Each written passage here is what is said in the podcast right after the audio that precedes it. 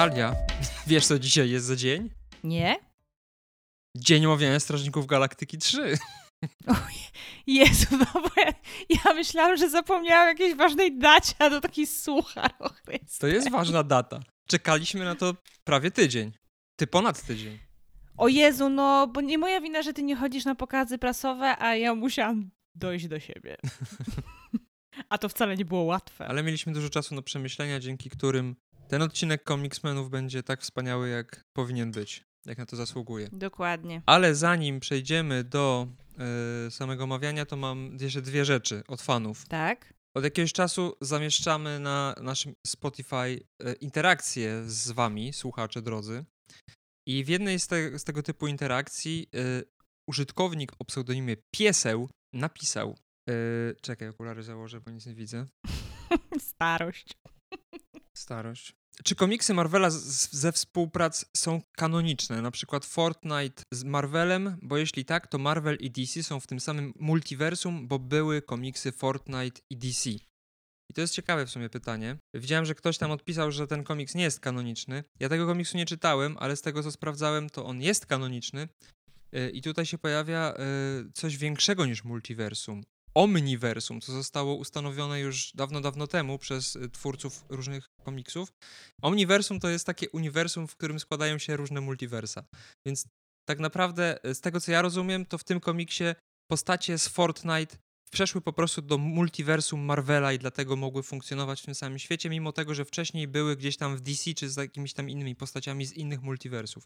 Więc one są łącznikiem między różnymi multiversami, przez co jest to kanoniczne i mam nadzieję, że ta odpowiedź satysfakcjonuje cię, piesele. W ogóle przecież w filmach, w samych filmach też e, no mamy sytuację taką, że jest Sony i jest MCU i nasz Peter Parker funkcjonuje sobie i tu i tu.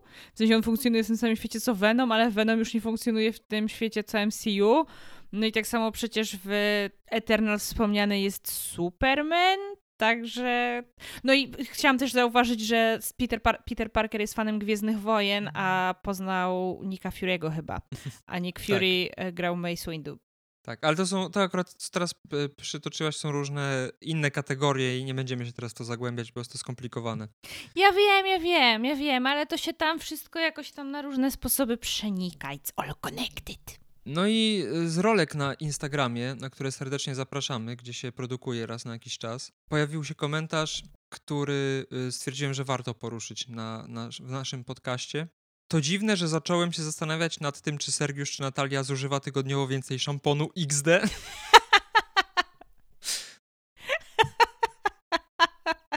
Uwierzcie mi, to na pewno jestem ja, bo ja zużywam bardzo dużo szamponu. Plus muszę myć włosy codziennie. Poza tym masz dłuższe włosy. Ale to długość nie ma tu nic do rzeczy, nie? to jest kwestia skóry głowy tak naprawdę. A, Jak często myjesz włosy? Codziennie. Ja sobie nie wyobrażam wyjścia z domu bez umycia głowy. Okej, okay, czyli jednak faktycznie tutaj mamy yy, konkurencję. A ile razy myjesz? Raz czy dwa? Raz. Ha! To ja trzeba myć po dwa razy, Sergiusz. Wiem, mama mi tak mówiła, ale stwierdziłem, że ja jako oszczędny stary dziad stwierdziłem, że szkoda szamponu. Czyli ja wygrałaś. Też tak robiłam, ja, ja też tak robiłam przez większość swojego życia, ale faktycznie to jest w ogóle nieba ziemia, jak się myje dwukrotnie. Polecam. Dobrze, spróbuję następnym razem. Ale rozstrzygnęliśmy zagadkę. Tak. I zapraszamy na nasze rolki, gdzie oprócz ciekawostek na temat postaci możecie prześledzić ewolucję moich łoniaków na mordzie. Bo zauważyłem, że od pierwszej rolki yy, z ciekawostkami o postaciach do ostatniej yy, trochę się zmieniło to, co mam na twarzy. A u mnie się zmienia kolor włosów na przykład. U ciebie tego nie widać. Jestem dumny ze swoich wąsisk, chociaż Dorotka powiedziałaby co innego, bo przestała się ze mną całować. No nie dziwię się. Ale jak to nie widać? Co zauważyłeś ostatnio, że znowu pofarbowałam włosy? Odczep się. Tak, ale nasi słuchacze nie widzą, chociaż w ostatnim poście, który przed chwilą wrzuciłaś, mogą zobaczyć. Faktycznie ja rzadziej pokazuję siebie niż ty. Muszę, trzeba to zmienić. Tak, trzeba to zmienić. No dobra, możemy przejść chyba do omawiania filmu, chyba że ty jeszcze masz jakieś ogłoszenia parafialne. Na ten moment chyba nie. Znaczy ja, ja podczas, omawiania, podczas omawiania filmu będę miała swoje ogłoszenie. Nie wiem, czy ja poruszałam te kwestie kiedykolwiek w podcaście, ale nawet jeżeli tak, to warto ją powtórzyć. Ona nie jest stricte związana z tym filmem, ale jest związana z jedną z postaci z tego filmu i w ogóle z uniwersum i z podejściem fanów, którzy jak wiemy nie zawsze są fajni. Także, ale to poruszę to na odpowiednim etapie. Aż się boję. Nie, ty się nie bój, bo ty masz chyba takie podejście jak ja do tej kwestii, ale to była kwestia, która swojego czasu bardzo mnie irytowała. Tak, ale mnie denerwują rzeczy, o których ty mówisz, czyli niektórzy fani toksyczni. A, E, myślałam, że w ogóle jak ja mówię. nie. Wręcz przeciwnie. Właśnie, dzisiaj będzie odcinek, w którym Natalia w końcu mówi więcej niż ja, mam nadzieję, bo ostatnio były wykłady. Zacznę od pytania do ciebie. No. Czy Kosmo to dobry pies? W ogóle uwielbiam to, że Gan wziął tutaj bardzo taką, no nie powiem oklepaną, ale bardzo popularną rzecz z internetu, tak? Who's a good boy? Who's a good boy? Zawsze uwielbiam memy związane ze smokami z e, Grotron. Właśnie z Drogonem, który jest dobrym, dobrym chłopcem, grzecznym chłopcem. Tak, Kosmo jest cudownym pieskiem, w ogóle przepiękny jest ten psiak. Wszystkie pieski są piękne, wszystkie kotki są piękne, w ogóle wszystkie zwierzaczki są piękne, ale Kosmo jest naprawdę prześliczna w ogóle jest wspaniała. I cały ten running joke, że Ruscy wysłali mnie do kosmosu i mnie olali, ale nawet oni nigdy nie nazwali mnie złym psem. I tutaj właśnie też e, z Natalią, która była ze mną na pokazie prasowym, właśnie tak doceniłyśmy, że w tym filmie jest kilka takich scen, w których polskie tłumaczenie robi całą robotę i to jest właśnie jedna z nich, jak ona krzyczy odszczekaj to. Tak, ale na przykład nie udało się przetłumaczyć tego takiego słownego żarciku, kiedy Quill mówi, że spotkanie z High Evolutionary to będzie face-off i później był dosłowny face-off, jak zdarli mu mordę. Tak, To niestety tak, tego to nie, fajnie, nie to dało fajnie. się zrobić. No nie wszystko da się tak ładnie przełożyć. No na przykład w Rodzie Smoka też jest, oczywiście klasycznie ma, możemy już odhaczyć nawiązanie do uniwersum Martina w każdym odcinku. No i też jest właśnie toast mojego ukochanego Raymonda, który kompletnie w tłumaczeniu na polski, jakkolwiek by się ktoś nie, nie gimnastykował, to to nie ma racji bytu. Tak nagle ten cały ten jego żart jest kompletnie niezrozumiały. No niestety, tak to bywa z tłumaczeniami. Ja też uważam, że Kosmo to dobry piesek, mimo tego, że jest to piesek y, w pełni CGI z tego, co czytałem. I ogólnie szanuję bardzo ten film za to, że żadne zwierzątko nie jest prawdziwe, A to realistycznie. tylko wszystkie są komputerowo generowane. A właśnie zastanawiałam się nad tym, wiesz, bo pamiętam, że ja jak, po tym jak uciekłam z seansu IO, Mhm. naszego polskiego tegorocznego kandydata do Oscara, bo uciekłam pod koniec, zdezerterowałam, bo już wiedziałam, co się kroi, a ja i tak przepłakałam prawie cały film. Zresztą ja będę wspominać parokrotnie pewnie o tym filmie podczas dzisiejszego odcinka, bo tematyka podobna w pewnym sensie. E, no i właśnie Natalia została na placu boju. No i później mnie poinformowała, że faktycznie film się kończy zapewnieniem, że żaden zwierzak nie ucierpiał podczas kręcenia. Tak samo dzisiaj pisałam artykuł o tym, że powstaje ekraniza adaptacja e, o Psie Król jeździł koleją i Mhm. właśnie podkreślam, że adaptacja, bo podobno no, w opisie jest, że będzie happy end, więc raczej zmienili zakończenie. Stąd adaptacja, nie ekranizacja. I tam też za, e, dystrybutor zapewnił, że zwierzaczki były traktowane jak gwiazdy, że e, miały odpowiednią opiekę i tak dalej. Więc no to jest akurat ważne. To mnie, I to mnie zastanawiało właśnie w przypadku Strażników Trójki, ale nie znalazłam nic takiego. Także no to w sumie good to know, że... A to naprawdę Rocket nie był prawdziwy? Ja przez 10 lat myślałam, że to prawdziwy. że to prawdziwy antropomorficzny shop. A propos tego psa, Tak. co jeździł koleją, to w ogóle byliśmy z, na seansie e, z naszą Aśką i Olkiem. Pozdro 616 serdeczne.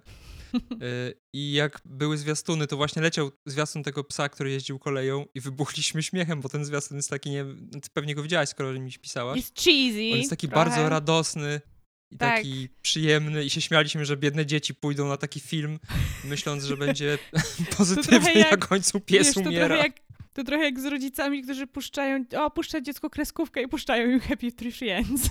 Tak, albo Króla Lwa. Ale no, no ja, ja zawsze uważałam, że tak, że piesek, który sobie jeździł koleją nie powinien być w kanonie lektur, bo to jednak rodzice powinni mnie podejmować decyzje e, indywidualnie względem własnego dziecka, czy ono na tym etapie powinno się zapoznać z tą książką. Ja na przykład przeżyłam olbrzymią traumę i tak jakby żałuję, że ja ją wtedy czytałam. Ja też. Ja, ją, ja jej słuchałem, bo nie było w książce e, w bibliotece egzemplarzy książki i dostałem na chyba na kasecie albo na jakiejś płycie winylowej, bo to było 150 tysięcy lat temu. Więc nie było audiobooków takich normalnych. Okej, to jest inna, to jest inna historia, ale to jest taki polski ekwiwalent Hachiko i dla mnie to jest zbyt wstrząsające. Ja No ja wolę u, u, oswajanie ze śmiercią w wykonaniu J.K. Rowling. No, ona mnie akurat całkiem nieźle oswojała ze śmiercią, to jej muszę przyznać. Także, ale dobra, bo wr- wróćmy, Wróćmy do, do tematu. tematu. Ile razy płakałaś? Nie, o Jezus. No, nasi fani chcieli wiedzieć. Ja wiem, ja wiem, no ja tu nie będę wyliczać ile razy. Może łatwiej będzie powiedzieć, kiedy nie płakałam podczas tego filmu, bo jest chyba kilka takich scen. No płakałam absolutnie na każdej scenie z Roketem. Na każdej. Po Mhm. prostu wjeżdżała tylko retrospekcja i automatycznie zalewałam się łzami. Do tego stopnia, że miałam całe mokre włosy, mokry sweter i ja miałam, no ja byłam na pokazie 3D. Ja miałam mokre brwi i czoło, bo w pewnym momencie po prostu już mi te łzy tak tryskały, że przez te okulary zaczęły mi tryskać do góry. Czyli tak jak na kreskówkach. Jak w anime. Tak, to było, to było do tego stopnia, ja się tak zalewałam łzami. No, był, momen, był moment, w którym rozważałam dezercję, to przyznaję. Mhm. I to jest- to było dosyć wcześnie i była to scena, która będzie mnie prześladowała do końca życia. Dołącza do zacnego grona właśnie Io. To nie oglądałeś chyba Io, prawda? Nie, nie zdążyłem. Jest, jest bardzo brutalna, mocarna scena w Io. Jest oczywiście, są, jest kilka scen w Hachiko, które będą mi się śniły po nocach do końca mojego życia i są wyryte na, wyryte na moim sercu. No i tutaj dołącza przede wszystkim ta jedna scena, jak Rocket poznaje Lailę, jak jest Mhm. takim malutkim trzopkiem i po tych eksperymentach go wrzucają do tej klatki i on tak płacze, że go boli. I dosłownie ja czułam, jak moje serce rozpada się na milionkowo. Nawet inaczej. To nie jest tak, że James Gunn mi tą sceną złamał serce. On je chwycił w dłoń i zmiażdżył niczym Thanos kręgi szyjne Lokiego w Infinity War. Co za piękne porównanie. Myślałam nad nim pół dnia, a teraz przez chwilę o nim zapomniałam. Nie chcę wyjść tutaj na jakiegoś potwora, ale być może to jest obecność Aśki po mojej prawej stronie, ale mi się nie zdarzyło uronić łezki podczas tego filmu, mimo tego, że na poprzednich dwóch częściach Strażników Galaktyki płakałem i to były chyba jedyne poza Endgame filmy Marvela, na których płakałem, tylko że na Endgame z innego powodu niż y, w przypadku Strażników Galaktyki, ale cały czas faktycznie w tych scenach, szczególnie retrospekcji, ale też wiadomo, no tam pod koniec i w tych innych wzruszających momentach, tych pozytywnie wzruszających, bo w sumie ten film też jest z tego powodu fajny, że tu możesz płakać wszy- ze wszystkich możliwych powodów tak naprawdę. I tak właśnie było. Nawet ze śmiechu. No to mimo tego, że nie płakałem, to łezka w oczku stane, stawała wielokrotnie i gardziołko było ściśnięte, więc i to właśnie to jest najważniejsze. Może i nie płakałem, ale za to myślę, że połowa filmu to było takie właśnie na ściśniętym gardle, co mi się nie zdarza praktycznie nigdy. A na Strażnikach poprzednich płakałem, ale to były pojedyncze sceny, więc w ogóle jakby wiesz, jak to się nazywa? Nie wiem, co masz na myśli. Zapomniałem słowa i nie mogę skończyć zdania. Czy, no ogólnie Przepraszam, przypomniało mi się słowo. Proporcje, proporcje wzruszenia są inne zupełnie. My już przeprowadzaliśmy tę dyskusję nie jeden raz. No ludzie, ludzie różnie wyrażają swoje emocje, różnie, różnie reagują. To, że ktoś nie zalewa się łzami, nie znaczy, że danej rzeczy nie przeżywa. No ja jestem płaczką, to już ustaliliśmy dawno temu. Ja lubię płakać bardzo i robię to często, ale to też jest kwestia tego, że no ja jestem taką trochę popkulturową masochistką. Ja szukam filmów i seriali, na których będę mogła płakać.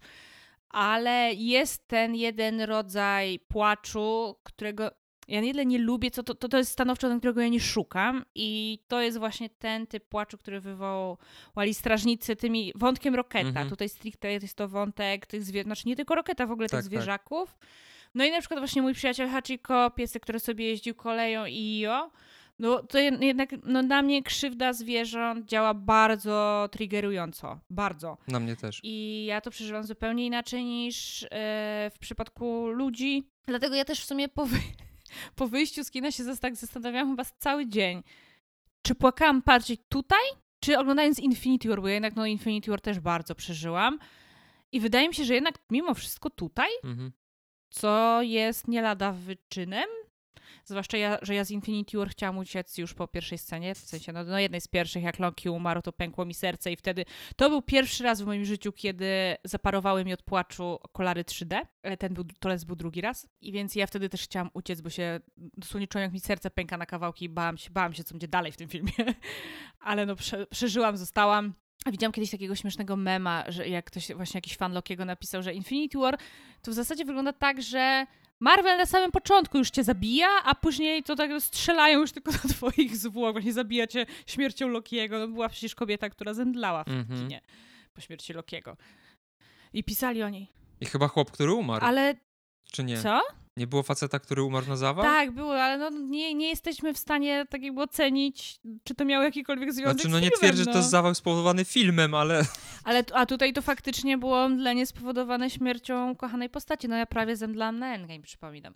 Jeżeli mierzyć filmy MCU miarą ilości wylanych przeze mnie łez i tego, jak długo ja jeszcze po filmie płakałam, to wydaje mi się, że ten film byłby na pierwszym miejscu. Tak, zdecydowanie. Bo ja nawet dzisiaj jeszcze płakałam. Jak tam sobie rozmyślałam, zapamiętywałam, które kwestie przede wszystkim są dla mnie ważne, żeby je poruszyć w odcinku i tam trochę łez znów poleciało. Także i odkryłam też właśnie na Instagramie, bo ludzie już zaczęli tworzyć jakieś tam różne filmiki związane z tym filmem. Wysyłałam ci chyba zresztą tę mhm. rolkę, że jest scena, o której my zresztą wspominaliśmy i to nie raz w tym podcaście, z pierwszych strażników, tylko wspominaliśmy ją w kontekście humorystycznym, bo ja ją pamiętałam jako scenę humorystyczną. Mhm. Czyli Rocket, przestań robić awantury, jesteś pijany. I teraz, po trzeciej części ta scena nabiera zupełnie innego wydźwięku, jak ten Rocket tam się wydziera, że I didn't ask to be made, to be torn apart over and over and turn into something, mo some monster. Bo znowu mi pękło serce, jak to obejrzałam i w ogóle też tutaj bardzo szanuję za spójność. To, to zresztą to była domena MCU przez całą Infinity Sagę, że jedna scena z któregoś tam filmu po pięciu latach w innym filmie nagle wybrzmiewa. Ja sobie, jak obejrzałam sobie pierwszych strażników ostatnio, to jest to wszystko pięknie zachowane. Od początku było podkreślane, że ten Rocket miał te różne ślady na tych pleckach. Tak, no i właśnie z tego powodu też dla mnie ta, to, co ty przed chwilą mówiłaś w tej rolce, to mnie to aż tak bardzo nie ruszyło, bo ja zawsze wiedzia, wiedziałem i czułem, że to jakoś zostanie kiedyś w przyszłości pokazane właśnie od tej przykrej strony. I... Tak, no ja, ja raczej nie. Właśnie to, jak, jak to zostało pokazywane, te, te, te, te jego jakieś tam wszczepy, czy co on tam ma na tych plecach, zawsze to było dla mnie jakieś takie uderzające, takie znaczy, tak, poruszające. Tak, to było tak, zawsze pokazywane w taki sposób, że wywoływało takie właśnie przerażające jakby emocje. Jak najbardziej, tylko że no, Dlatego... James, Gunn, James Gunn ma ten talent, yy, no nie tylko on oczywiście, ale on akurat się wyróżnia, przynajmniej wśród filmowców, których ja znam że on potrafi w jednej scenie i połączyć humor i wzrusz w taki sposób, tak. że i albo wy, odpowiedni wydźwięk ma jedno i drugie, albo w zależności od, nie wiem, od humoru, w jakim to oglądasz, czy kontekstu, który na ten moment znasz, w, bardziej na pierwszy plan wysuwa się jedna z, e, z, tych rzeczy, a później jak wrócisz do tego za jakiś czas, to nagle patrzysz na to inaczej. I dla mnie ta scena właśnie taka była.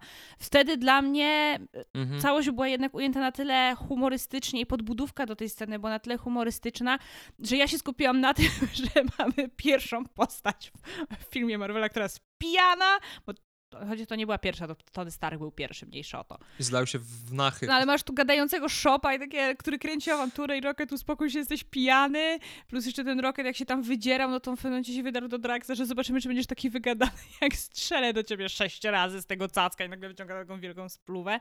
Ja się wtedy na tym jednak skupiłam.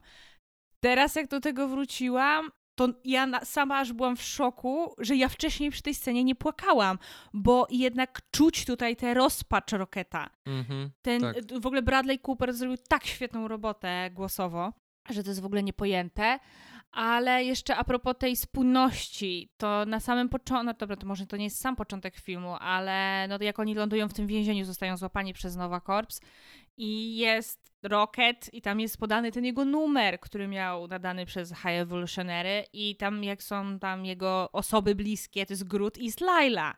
Tak, ale właśnie tutaj zauważyłem, że fani ogólnie jakby zastanawiają się, czy w przyszłości y, na Disney Plus zmienią to, retkonując trochę y, pod, pod tą historię ze Strażników Galaktyki 3, bo tam wynika nie dość, że jest wymieniona planeta Halfworld, co jak wiemy nie jest nazwą planety, z której pochodzi w, oficjalnie teraz w MCU, mhm. a druga rzecz, Y, nie wiem, czy ta y, wiedza na temat eksperymentów High Evolutionary była powszechna na tyle, żeby Nowa Corps mieli y, informacje na, na temat Laili. W sensie, wiesz, co mi chodzi? Ale to nie, wiesz co, to wystarczy, żeby Rocket często, ja to tak rozumiałam, że Rocket mógł po prostu często o niej opowiadać. Bo ja to rozumiałem, jak oglądałem pierwszych strażników, tak, że Rocket żył sobie przed strażnikami jako ten taki rzezimieszek, łowca nagród i gdzieś tam z tą Lailą komiksową, taki oczywiście smaczek komiksowy, z tą Lailą komiksową był tam związany, ale ich drogi się rozeszły, że, że na takiej zasadzie, wiesz, takiego Hanna Solo, co miał w Wiesz każdej co, istnieje taka, tawernie istnieje, kochankę. istnieje e, taka szansa i myślę, że tak właśnie było i po prostu zmienił to w końcu James Gunn, ale jakoś tam mi się to ładnie, jakoś tam mi się to spina, więc no ja nie narzekam. Nie no, ja też widzę, że James Gunn od początku ma jasno y, sprecyzowaną tak, on koncepcję, mówił- znaczy jasno sprecyzowaną. Właśnie nie jasno, tylko miał jakby cel, do którego dążył, a po drodze dobudowywał pewne elementy, które złożyły się na drugą i trzecią część. Tak, on ostatnio w wywiadzie mówił, że tak, faktycznie od samego początku planował, że w trzeciej części poznamy backstory Rocketa. I wspominał tam, że nie pamiętam już, który to był Annihilation chyba, że istniała szansa, że to Annihilation będzie złoczyń, głównym złoczyńcą trójki i to wtedy on by przeprowadzał te eksperymenty na Rokecie. Że to nie było też tak od, od początku bardzo klarownie rozpisane, że to tak, będziemy mieć High Evolutionary i tak, Tak. dalej, i tak dalej. Że tam ten ogólny zarys jakiś był, stąd się pewnie wzięła ta Laila w pierwszej części, no a później jednak to tam trochę doprecyzowali i faktycznie, no okej, ja to uznałam za super e, spójność, a ty wypunktowałeś, że to jednak nie do końca jest spójność. Także no cóż, no, no nie wiem, no mi to nie przeszkadza. No, Laila się wzięła przede wszystkim z tego komiksu, który omawialiśmy Tak, trzy tygodnie tak. temu. Tak. A ten złoczyńca się nazywa Anailas. A, no dobra, byłam blisko. Moim zdaniem to byłby głupi pomysł, żeby to on był odpowiedzialny za stworzenie Roketa, bo jednak y, High Evolutionary jest idealną postacią do tego. No się prosił, no nie oszukujmy tak, się. mimo tego, że w komiksach oczywiście z Roketem nie ma nic wspólnego. Ale może tak jakby zacznijmy w ogóle od początku omawianie filmu. Tak, Zapraszam. ja tak planowałam początkowo. Przepraszam, zepsułem koncepcję. A więc tak, scena otwierają, znaczy nie sama scena otwiera, bo na samym początku widzimy małego, małego szopka, ale sekwencja ta otwierająca, czyli pierwsza walka. A jeszcze przejdźmy do czegoś przed pierwszą walką. Do czego? Sposób pokazywania Roketa na samym początku, jak leci ten creep i on sobie tam podśpiewuje, nie? No. Nie masz wrażenia, że tutaj coś troszkę jest dziwnego?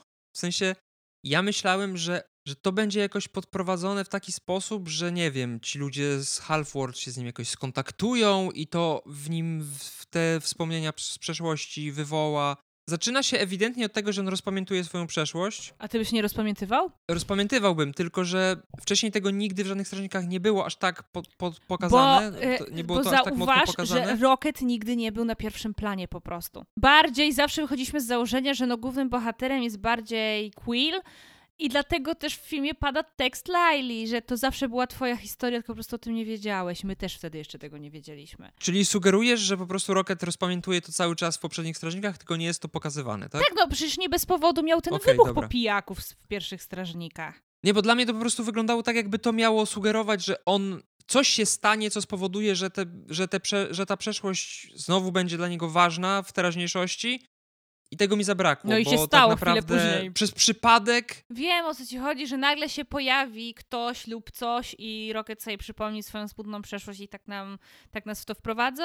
I przez to będzie smutny i będzie rozpamiętywał, tak. A moim zdaniem akurat nie, no to dla mnie to, nie- to, to nie stanowiło żadnego problemu, bo by, ja dla mnie już w ogóle sam fakt osobowości Rocketa w tych poprzednich filmach jasno wskazywał, że on bardzo przeżywał tą swoją przeszłość. Że on to, to że on był taki wyszczekany, że on był, miał bardzo e, ni, tak jakby niski próg agresji, że bardzo łatwo się wkurzał, rzucał się od razu i tak dalej.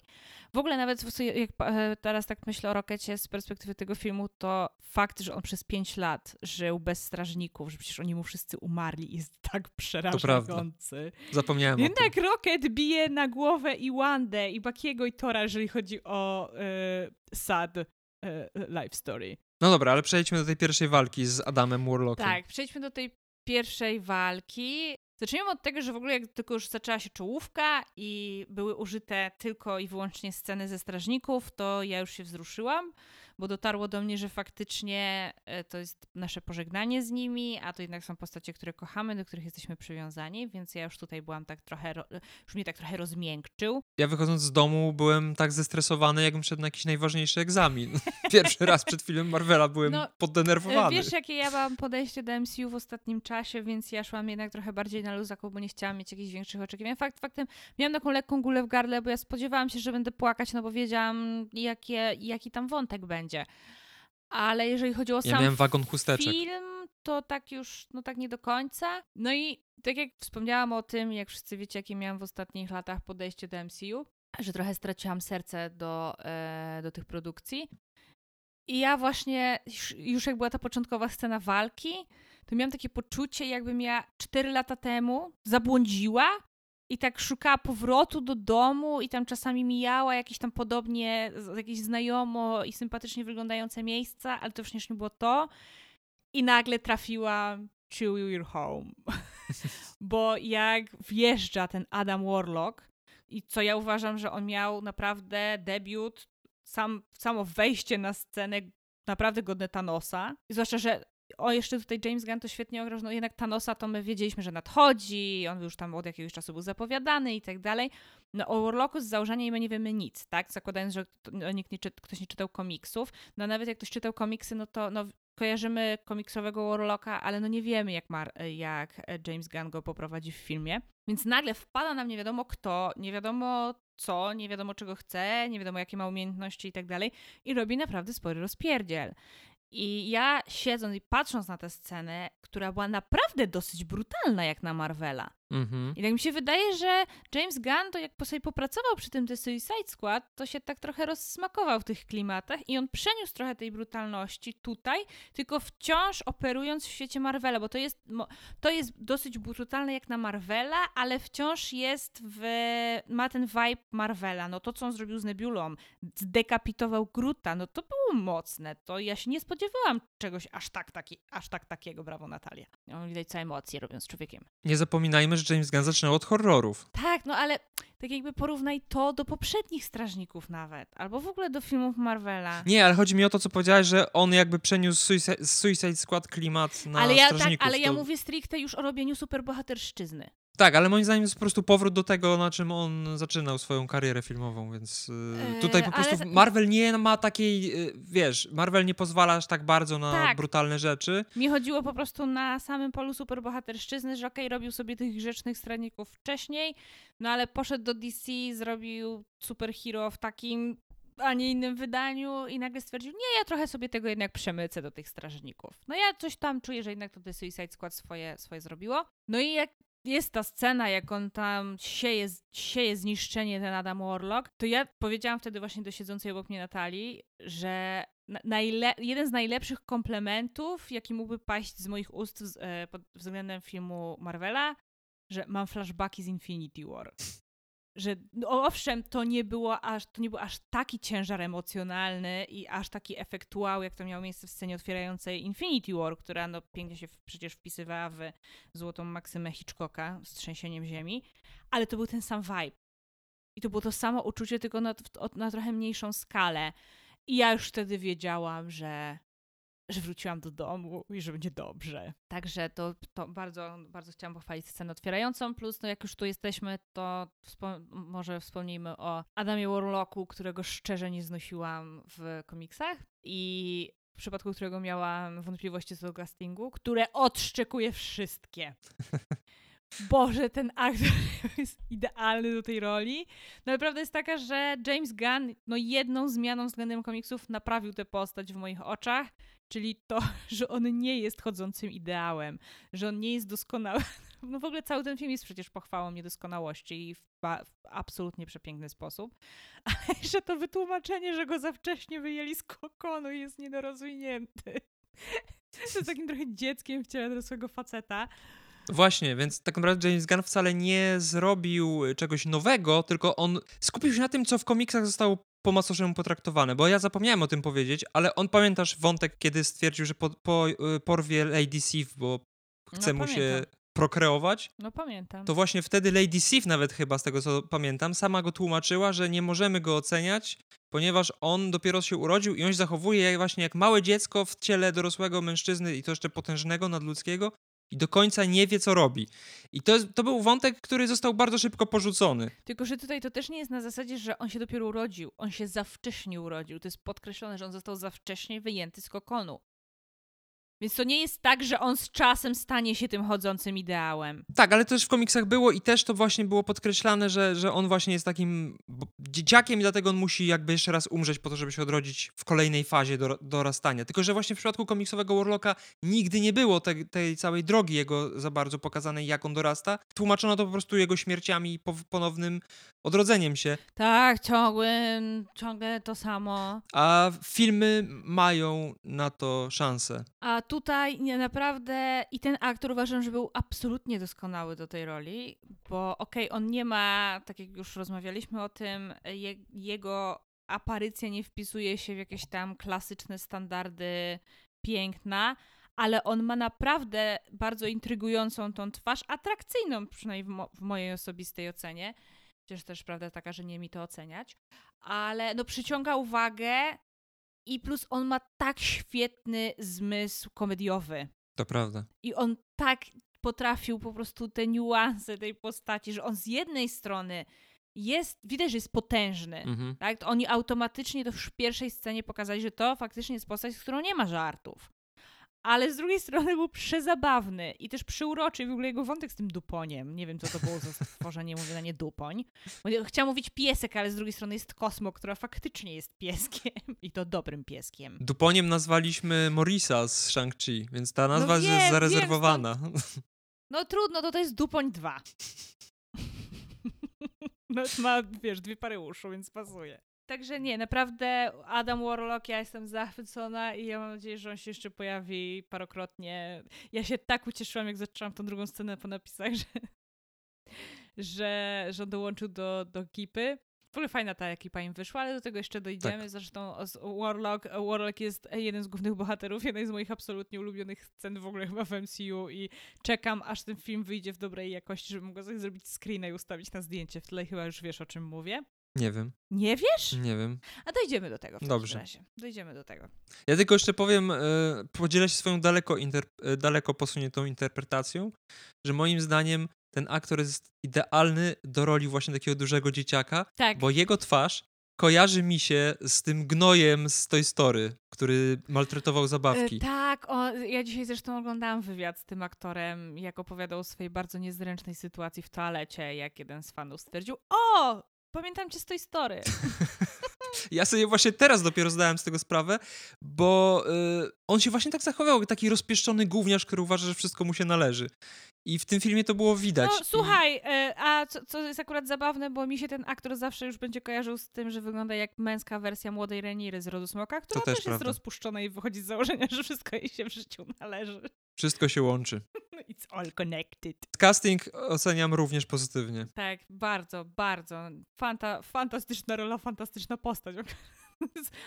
No bo ma tak cudownie nieporadna, zabawna w tak bardzo niewymuszony sposób. No i tutaj właśnie no, gra aktorska zrobiła praktycznie całą robotę. Przechodząc dalej, bardzo mi się podoba w tym filmie to, że każda z postaci dostała odpowiednią ilość czasu. Mm-hmm. O nikim nie zapomniano, nawet nigdy się nie nauczę, jak on się nazywa. I nazywam go panem od jądu, ten, którego gra e, brat Jamesa Gana. Kraglin. Kraglin, tak, dobra. Ja wszystkie możliwe wersje. Zawsze pamiętam, że na K i że jest R w środku. W środku jest drugie. Kraków. Krystian można niego mówić. O, tak, dobra. Będę, teraz będę pamiętać. I oczywiście klasycznie musiał się pojawić Jontu. Jontu się zawsze tam gdzieś tam pojawia. Przypominam, że była jakaś tam scena z Ragnaroku, gdzie on się nawet pojawia, w sensie taka usunięta, czy tam dla Begi to było nagrane, coś takiego było. Jak Hela tam przemawia no Michael Rooker chyba w każdym filmie Gana się pojawia. W ogóle nepotyzm Jamesa tak. Gana trochę mnie bawi. W sensie, że on tą swoją żonę tak, wszędzie wciska. Ja, to ja już przewróciłam oczami, jak ją zobaczyłam. Brata. Ale on też w ogóle on bardzo lubił współpracować z tymi samymi aktorami. Na przykład Natalia miała problem, nawet jak jej powiedziałam, co to jest za aktorka. Jak ona, jak ona się nazywa w tym filmie? Ta, co tam Starlord się do niej przystawiał. Y, Ura. Ura. I ja od razu rozpoznałam, że to jest Radka Czertu z The Suicide Tak. Squad, bo ja uwielbiam, no uwielbiam tą postać, uwielbiam tę aktorkę, ma przepiękną twarz, mogłabym na nią patrzeć godzinami i od razu tą twarz rozpoznałam. Pod toną charakteryzacji. Ja ją poznałem po głosie, po akcencie w sumie bardziej. I a Natalia tak, nie, to nie może być ona. Ale miałam problem. Przez cały film mnie to tak męczyło. Gdzie ja widziałam tego pana, co grał High Evolutionary, którego imienia i nazwiska nigdy nie nauczę się wymawiać, bo to jest w ogóle jakiś Ja kosmos. nie. I dopiero Natalia po wyjściu z kina zauważyła, że no, pan z Peacemakera, Tak, no. to prawda. No ale w sumie to jak się dobrze dogadują, to ja nie widzę problemu, więc tak żartuję oczywiście z tym nepotyzmem. Tak, zwłaszcza, że no akurat High Evolutionary no to była dosyć istotna postać i skoro uznał, że wie, e, czego się może po tym aktorze spodziewać, wie jak, co może tam ulepić z niego na, na planie i jeżeli uznał, że on by mu świetnie pasował do tej roli, no to why not? Ja tylko z tą żoną się tam trochę śmieję zawsze. Ale no cóż. No, Nie oszukujmy się, nie tylko Gunn robi takie rzeczy. No oczywiście, że nie. No Quentin Tarantino jest chyba najbardziej znaną osobą, która zatrudnia ciągle tych samych aktorów. No, Martin Scorsese Też. tak samo, także to jest, to nie jest tylko domena Jamesa Gana. Olaf Lubaszenko. Wracając, do, wracając do postaci, no na- naprawdę każda postać, no niektóre oczywiście dostają tego czasu trochę więcej, inne trochę mniej, ale każda gdzieś tam wybrzmiewa, każda przechodzi jakąś drogę. W ogóle bardzo mi się podoba dostosowywanie zachowania i w ogóle żartów i tekstów, tekstów Gruta do aktualnego etapu życia, na którym się znajduje, no bo pamiętamy wszyscy Baby Groota, kiedy był słodki, nieporadny, mało co rozumiał, co się do niego mówi, ciągle przynosił nie to, o co go Jądu prosił. Później mieliśmy Gruta nastolatka, który wiecznie siedział z tym, nie wiem, to było, co, jak to się nazywa, P1, Jakiś Game Boy, no nie na wiem. Game Boy, no, no nie będę, nie, bo PSP, PSP było w latach 2000 Natalia. On nie odrywał się od tego, pyskował przecież strasznie. Wciąż mnie ciekawi, co on powiedział w Infinity War, jak oni lecieli właśnie tam po Tora na samym początku e, i Star-Lord powiedział, że odłóż to i nie będę cię więcej powtarzał. I on się, oj, grów! I wszyscy, o, co to w ogóle miało być? Jak ty możesz tak odzywać? Wciąż mnie ciekawi, co on wtedy powiedział.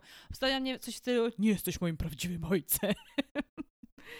To ja bardziej Simiwora. No to nie, no ale chodzi o to, że on był Simi nastolatkiem. Konar. Nie, on był nastolatkiem, więc No- to miał być taki typowo nastolatkowy tekst. No to jak A jako tutaj- nastolatek tak bym powiedział. No ale no domyślam się, że- Groot jednak jest trochę innym, był trochę innym nastolatkiem. No nie wiem, obracając się w gronie takich degeneratów, to E, w sumie to no, wychowywał go w dużej mierze Rocket, no Rocketa traktował jak ojca. No a tutaj mamy takiego Gruta w wieku studenckim, on jest taki przypakowany i przecież rzucił żart, to jest jeden z moich ulubionych żartów w Marvelu. Oczywiście, no z czym się stereotypowo kojarzą studenci poza biedą i alkoholem? Z seksem. I ten tekst, żeby Mantis e, przyłożyła e, rękę, do, nie, dotknęła Starlorda i żeby poczuł się lepiej. Ja mówię, nie, stary, nie o to nam chodziło, nie w takim sensie. No mnie rozbawiło podwójnie oczywiście, no bo nie dość, nie dość, że żart seksualny, to jeszcze kazirodczy. ja jeszcze tak, żeby nie umknęło, wspomnę, że jak zwykle szanuję Jamesa Gana za żarty fekalne. To jest to, co lubię. Chociaż w sumie był jeden tylko, Ale był. ale to już chyba drugi albo trzeci w Strażnikach Galaktyki. Nie no, humor też oczywiście był on point, każdy żart siadał i to były żarty bardzo w stylu Strażników Galaktyki, no. Jedna z moich ulubionych scen, to jest scena, która bawiła już na etapie zwiastunów, ale w kinie bawiła wciąż tak samo, czyli uderzenie dziecka piłką w twarz. ale jeszcze, no i tutaj oczywiście Gunn e, nie zrobił tak, jak wielu filmowców robi, czyli naładowanie tych zabawnych scen do zwiastuna i one później w filmie to już nie mają takiego impaktu, bo tutaj on wciąż rzeczy, które się działy wokół tej sceny też były zabawne, bo jak w momencie, Tak. kiedy Drax potraktował to dziecko tą piłką i ci mieszkańcy e, się tak trochę przestraszyli w tym momencie Groot odpalaj kaiju. Wszystko było to cudowne. Mimo, że Groot to tutaj jest taki trochę Artudito ze Star Warsów, który nagle w prequelach potrafił robić 50 tysięcy różnych rzeczy, których nie potrafił wcześniej, później. A, ale no tutaj to jednak mamy trochę innego Groota, więc to się broni. No uczy się chłopak. Dokładnie, trochę lepiej. Może, nie wiem, jak go zasadzili ten drugi raz, to go tam trochę lepszą odżywką podsiewali, czy co tam. Poza tym był bogatszy w doświadczenia poprzedniego Gruta, więc No i halo, wychowywał go Rocket, a tam, a nie wiemy na jakim etapie tamtego Gruta poznał Rocket. No właśnie. Fantastyczna jest Nebula. Ja Nebulę w ogóle uwielbiałam już od drugiej części. W pierwszej mnie irytowała niemożliwie. W drugiej części mi się bardzo spodobał jej wątek. To takie piękne odwrócenie ról, że to jednak fakt, zanim je poznaliśmy, to ona była tą lepszą, milszą z sióstr, w sensie to Gamorat była tą wredniejszą. Mhm. Nawet w tym filmie to jest poruszone tutaj, że tak. e, ona zawsze taka była, to niby ja byłam ta zła. to też mi się podobało. No, Nebula no, przeszła olbrzymią drogę, bardzo długą i wyboistą w filmach Marvela. Przypominam, że ona się zaprzyjaźniła nawet z Tonym Starkiem przecież, pomiędzy Infinity War a Endgame. Mhm.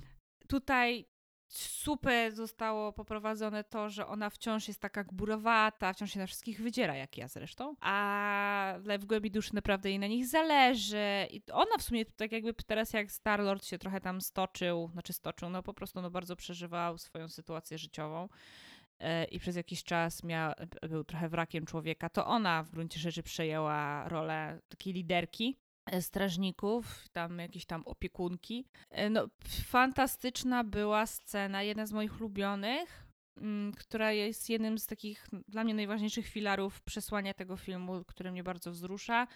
To jest scena z, właśnie z Nebulą, Mantis i Draxem, ja czekałam, ja naprawdę czekałam, aż w końcu ktoś straci cierpliwość do tej Nebuli, że ona na wszystkich zawsze tak warczy, ale nie sądziłam, że będzie to Mantis. Jak ona zaczęła się na nią wycierać, to było tak piękne. No to mówię o scenie, w której Nebula ich werbalnie zaatakowała. Mhm. No i to trzeba przyznać, no, no miała trochę prawo do tego, bo Drax oczywiście jak to Drax nie posłuchał, co się do niego mówiło, i, a Mantis no, ze swoją klasyczną asertywnością, raczej jej brakiem. Po prostu zrobiła to, co chciał zrobić Drax. E, dała się zrobić w bambuko tak naprawdę. No i no, to miało dosyć poważne konsekwencje, bo zagroziło życiu Gamory i Roketa. Także Nebula owszem miała prawo się wkurzyć, ale no to był klasyczny przypadek, kiedy wkurzasz się o jedno, a krzyczysz o wszystko inne i nagle zaczynasz przeginać, bo zaczęła po prostu im wygarniać wszystko, co też nie oszukujmy się na wygarnianie rzeczy które tak trochę, przynajmniej ja ze, swo ze, swoich obserwacji wiem, że ja tam trochę też nie w pewnym sensie na te postacie tak patrzę, znaczy ja zawsze bardzo lubiłam i Draxa i Mantis, zresztą po pierwszej części Drax był drugi na liście moich ulubionych strażników. Naprawdę? Tak, ja go bardzo lubiłam. No, tekst, że ale jesteś wyszczekany, nigdy więcej nie mów, że szczekam. No on! Jest zawsze... Znaczy, śmieszył mnie, ale mnie denerwował i jak były te przewidywania, kto umrze, to jak sobie myślałem, że Drax mógłby umrzeć, to stwierdziłem, że no, to w sumie nie będzie mi jakoś tak szczególnie smutno. Znaczy ja, okej, okay, faktycznie... Je... Ja wiedziałam, że bardziej bym płakała za Star-Lordem czy za Rocketem, a ze, ale to ze względu na to, jak emocjonalnie mhm. działają te postacie. Ale no tak, u mnie zawsze pierwszy był Star-Lord, drugi był Drax, jeżeli chodzi o lubieńców. Czy ja lubiłam zawsze wszystkich strażników, po prostu Gamorę zawsze lubiłam najmniej. Czy ja teraz przyznam, że po tym filmie Drax, przez to jaką drogę właśnie w, tym, w tej części przeszedł, jak wyewoluował, bo w sumie to też jest fajne, że tutaj ta ewolucja jest rozumiana na różne sposoby. I też jest duża ewolucja postaci pod różnym względem. Tak, bo u, u Draxa to nie jest kwestia to nie jest tak, że on przechodzi sam w ogóle charakterologicznie jakąś przemianę, tylko tak, że my kontekst się zarysowuje większy. Pełnię jego postaci. Bo właśnie tak jakby dążyłam do tego, dążyłam do tego, mówiąc o tej scenie, właśnie jak e, Nebula zaczęła się na niego wydzierać, on nigdy nie słucha, co się do niego mówi, nigdy nie łapie żartów. To akurat była jedna, jedna z jego największych zalet, ale rozumiem, że po x latach to potrafi być irytujące. W sumie nasz Michał trochę czasami, nasz znajomy, e, taki jest, on taki clue, forever clueless, że trzeba mu tłumaczyć czasami najprostsze rzeczy, za co go absolutnie uwielbiam. Także no ja za to lubiłam Draxa, ale rozumiem, że jeżeli ktoś ma z nim do czynienia na co dzień, to zaczyna się to robić denerwujące. No ale moment, w którym ona zaczęła się wiedzieć, że on jest bezużyteczny, że jest kulą u nogi, no to już było grube przegięcie. No i tutaj wjeżdża Mantis. I ta scena też mocno mi się skojarzyła z moimi ukochanymi duchami Nisherin, jak siostra Colina Ferelki w bardzo podobny sposób go broniła w stylu no okej, okay, no jest głupi, ale on zawsze był głupi. ma, ma, ma masę innych zalet. E, I tutaj oczywiście e, Gan znowu pokazał, jak pięknie potrafi łączyć wzrusz z e, elementami komediowymi, bo ja tu płakałam i się śmiałam jednocześnie, jak Drax, że nie do końca podoba mi się ta linia obrony. No ale ten tekst w pewnym momencie właśnie Mantis, że Drax nas rozśmiesza i bardzo nas kocha i jaka to jest niby kula u nogi. To po prostu, no teraz mi się płakać zachciało. Jest to piękna scena i to właśnie i chwilę później to pokazanie, jak Nebula nie doceniała Draxa, jak ona patrzyła na niego jednak to dosyć mocno powierzchownie, Mhm. że one się próbowały dogadać z tymi dziewczynkami, E, No ale o, nie, nie, nie, nie umiemy w ich języku, nawet Man- Mantis nie miała tego języka w translatorze, a nagle Drax zaczyna mówić do nich ty, tym językiem. I to takie piękne, jak to Nebula, dlaczego nie powiedziałeś, że znasz ich język? Bo nie pytałaś. Ale to też jak się Ale- bawi z tymi dziećmi jest urocze i wzruszające Tak, właśnie do tego, właśnie o tym miałam powiedzieć, że tutaj też Dave Bautista, Chapoba, jak on się w mgnieniu oka zmienił. I on tutaj jest takim właśnie e, twardzielem, który dla swojej córeczki to się nawet za Elsę przebierze. Mhm. I tutaj oczywiście też zostało to pięknie wykorzystane, że przecież my poznaliśmy Draxa jako człowieka, który stracił żonę i córkę przez Thanosa. No i tutaj ten tekst Nebuli na jego temat, że dziś zobaczyłam cię takim, jaki jesteś naprawdę, że ty nie masz w sobie nic zniszczyciela. You were born to be a dad. Było tak urocze i w ogóle jego, no ta czułość, e, z jaką podchodzi do tych dziewczynek. I to akurat też jest fajne, że to nie jest tak, że to o nagle jak królik z kapelusza wyskakuje nam ukryty wewnątrz ten czuły, wrażliwy Drax, bo to było widać we wszystkich poprzednich częściach Mhm. że on był takim twardzielem, ale jednak z takim czułym wnętrzem. Czy to jego podejście do Roketa, czy do Mantis, że on tam Mantis w jednej scenie potrafi mówić, że jest brzydka, ale za chwilę e, też właśnie tak bardzo podchodzić do niej czule. Nie wiem, który raz powtórzyłam już to słowo, ale tak jakby nie... To jest najlepsze słowo, które mogę tutaj użyć, takie naj, najbardziej pasujące.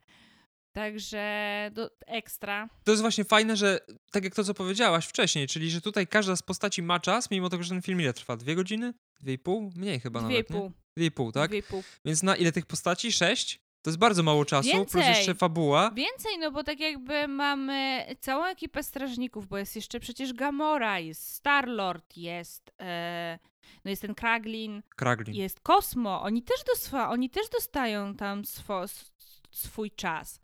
Także bardzo mi się podoba też, jak poprowadzono Gamorę Tak, ale czekaj, daj mi skończyć. e, i wątek z Gamorą, no. Chodzi mi o to, że, że, że Ganowi udało się, mimo tego, że miał tak mało czasu, Tak, jakim jest film, bo dla mnie jednak serial ma tą przewagę nad filmem, że tam jest więcej czasu na Mhm. pokazanie charakterystyki postaci całej.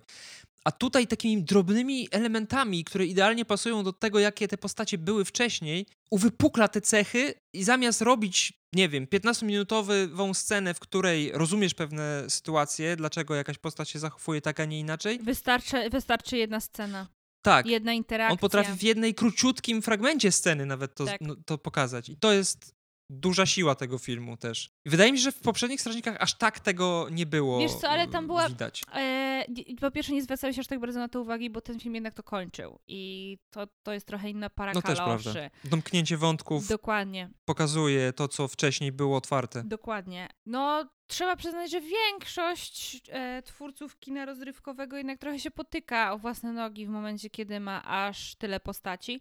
Fakt faktem ja uważam, że w tym, w tym filmie Gunn nie wykazał się taką zręcznością, jak na przykład bracia Russo w żonglowaniu wątkami w ogóle.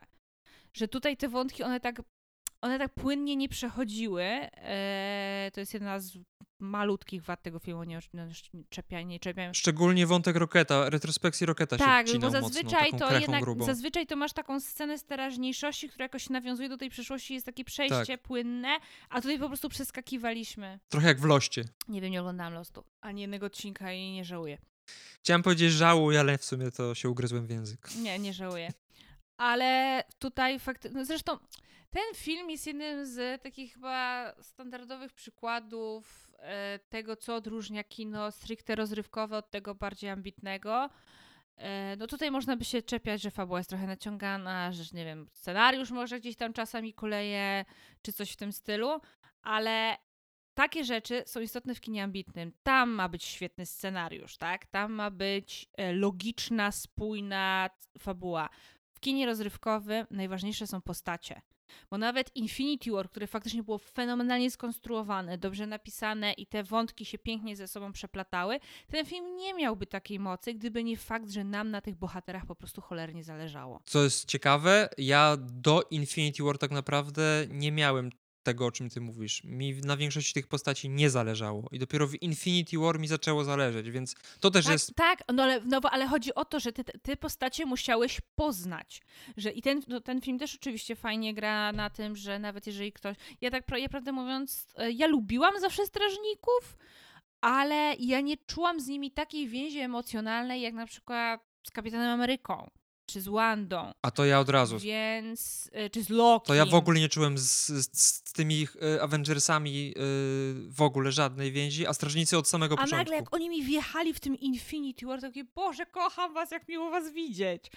Więc no tam, ten, tamten film też tak działał, tylko no, gdyby te postacie nie były skonstruowane też w taki, a nie inny sposób, to to by nie zadziałało po prostu w tym Infinity War.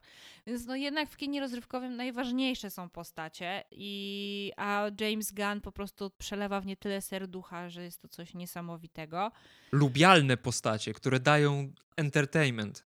To jest tak, podstawa. no i to są też postacie, w których każdy z nas zobaczy trochę siebie. No ja widzę mhm. dużo z siebie w Nebuli, ale widzę też w Star-Lordzie, widzę w Gamorze trochę. W sumie w Gamorze dosyć mało, ale coś tam widzę, tak? Kolor włosów macie podobny. W Rokecie, czy w Grucie, czy w Draksie, tak? No ja też często, ja też czasami nie łapię żartów, też czasami traktuję wszystko zbyt dosłownie. E, też zawsze staram się być tą ha, ha, ha śmieszkiem e, każdej, w każdym towarzystwie na zasadzie no, mogę być irytująca, ale przynajmniej was rozśmieszam. Potwierdzam.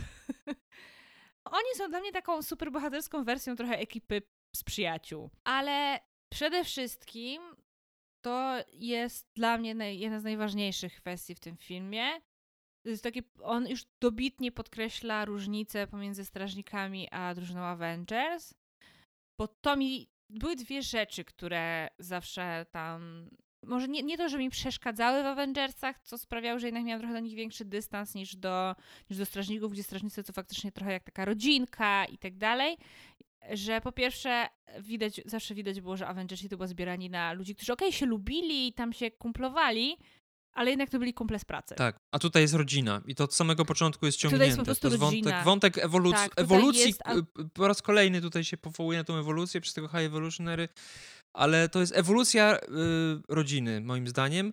Bo nawet ta końcówka tak, jest taka jest trochę jak. Pozbierana... Taka, taki rozpad, trochę, taki rozwód trochę. Y, można to tak interpretować. Znaczy, wiesz co, ja to tak postrzegałam na zasadzie, że ważne jest. Czy tam takie dorastanie i odejście z gniazda. Tak, tak, tak, tak, właśnie opuszczenie, wyfrunięcie z gniazda. No ale wątek Starlorda i Gamory to jest trochę takie pogodzenie się z tym, że już miłość rodziców się wypaliła. Ale właśnie, tak, a, tak, bo do, ja do tego wcześniej dążyłam. Ja nie patrzyłam na to jak na miłość rodziców, ale bardziej na to, że trzeba wiedzieć, że życie nas uczy rozróżniania tych momentów, kiedy faktycznie powinieneś się cofnąć i zmierzyć się ze swoją przeszłością. Czyli to jest to, co zrobił Star-Lord, mhm. wyjeżdżając na ziemię, żeby spotkać się ze swoim dziadkiem i w ogóle właśnie jak się teraz obejrzy pierwszą część Strażników, scenę otwierającą, to też inaczej się na nią patrzy, gdzie tutaj właśnie Mantis powtarzała Starlordowi, że może twój dziadek wciąż żyje i tak dalej.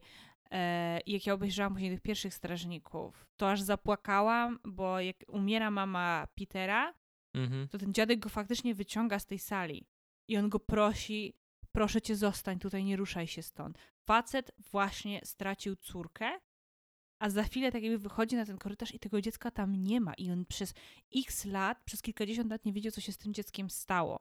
Więc ta scena automatycznie też wzrusza bardzo. No ale jeszcze właśnie a propos Quilla i Gamory, że trzeba, że życie uczy nas rozróżniać, kiedy powinniśmy się zmierzyć ze swoją przeszłością, a kiedy po prostu powinniśmy się pogodzić ze stratą i ruszyć dalej. I to zostało tutaj pięknie moim zdaniem rozwiązane, że ja przez cały film się trochę bałam, bo trochę to tam było, trochę bawił się z nami Gan w Kotka i Myszkę, takimi sugestiami, że ona może jednak faktycznie się zdecyduje na spróbowanie z tym Quillem, że skoro kiedyś tam wyszło z tamtą Gamorą, to może teraz wyjdzie, co, do czego zresztą on ją próbował przekonać. No ale o koniec końców no, ona mu powiedziała, że słuchaj, ja wierzę, że no, byliśmy razem i prawdopodobnie było nam razem bardzo fajnie, ale też właśnie nam Mhm. nie jest tu dobrym określeniem, bo to nie byłam ja, to była alternatywna wersja mnie. Gdyby tamta Gamora odeszła i musisz pozwolić jej odejść. Ja nie jestem nią i nigdy nią nie będę. I to, że ten Starlord to wreszcie zaakceptował. I nawet, i nie, nawet nie tyle zaakceptował, co jej też pomógł w zaakceptowaniu tego, że ona nie jest tamtą Gamorą, tak? Że on nie zostawił Mhm. jej z tym, że nie jest dostatecznie dobra, czy coś w tym stylu. No i powiedział, że teraz, taka jak jesteś teraz, też nie jesteś wcale najgorsza.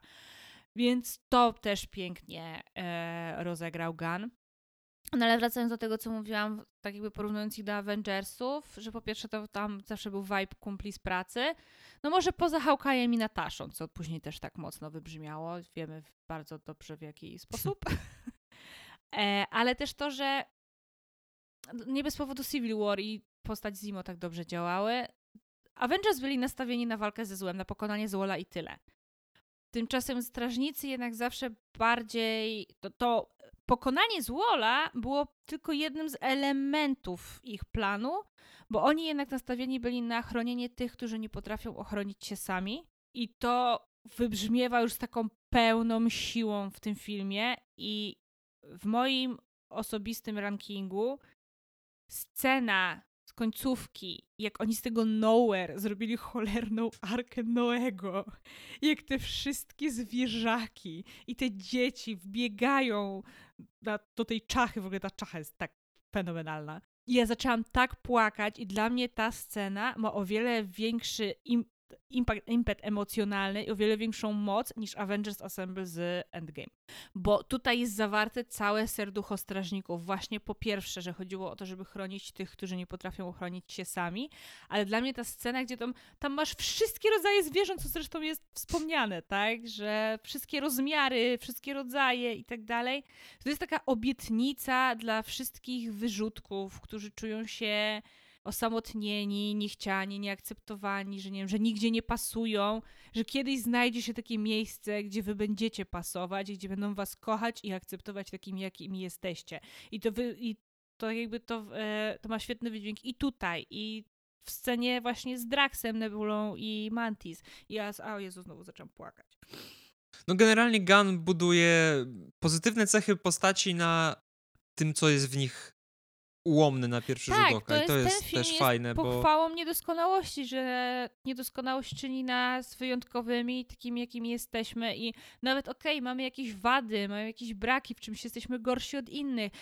Co z tego? To nie znaczy, że my w ogóle jesteśmy gorsi, tak? To, że nie wiem, ja jestem mniej inteligentna od kogoś, nie znaczy, że jestem gorszym człowiekiem i mniej wartym miłości. bardzo pozytywny i bardzo taki pro pod wieloma względami e, Tak, film. i bardzo ważny, tak? Bo nie oszukujmy się, wielu osobom, wiele osób siedząc, idąc kurna do, kina na film, potrzebuje takiego przekazu. Nawet nie tylko idąc do kina, w ogóle w życiu potrzebuje takiego przekazu, a filmy właśnie są od tego, żeby a i nas bawić, ale też nas wzru- wzruszać i nas podnosić na duchu i czegoś nas uczyć i ten film Dawać też, nadzieję. on przecież, tak, ten film też przecież trafia do dzieci i te dzieci będą mogły z tego wyciągnąć piękną lekcję, tak? Po pierwsze, żeby akceptować innych i podchodzić do innych nie na zasadzie tego, co mi się w nim nie podoba, tylko totalnej, okej, akceptacji, pomaga... E, no nie mówię totalnej akceptacji, tak, no bo High Evolutionary to dziękujemy panu, ale do niego jeszcze dojdziemy.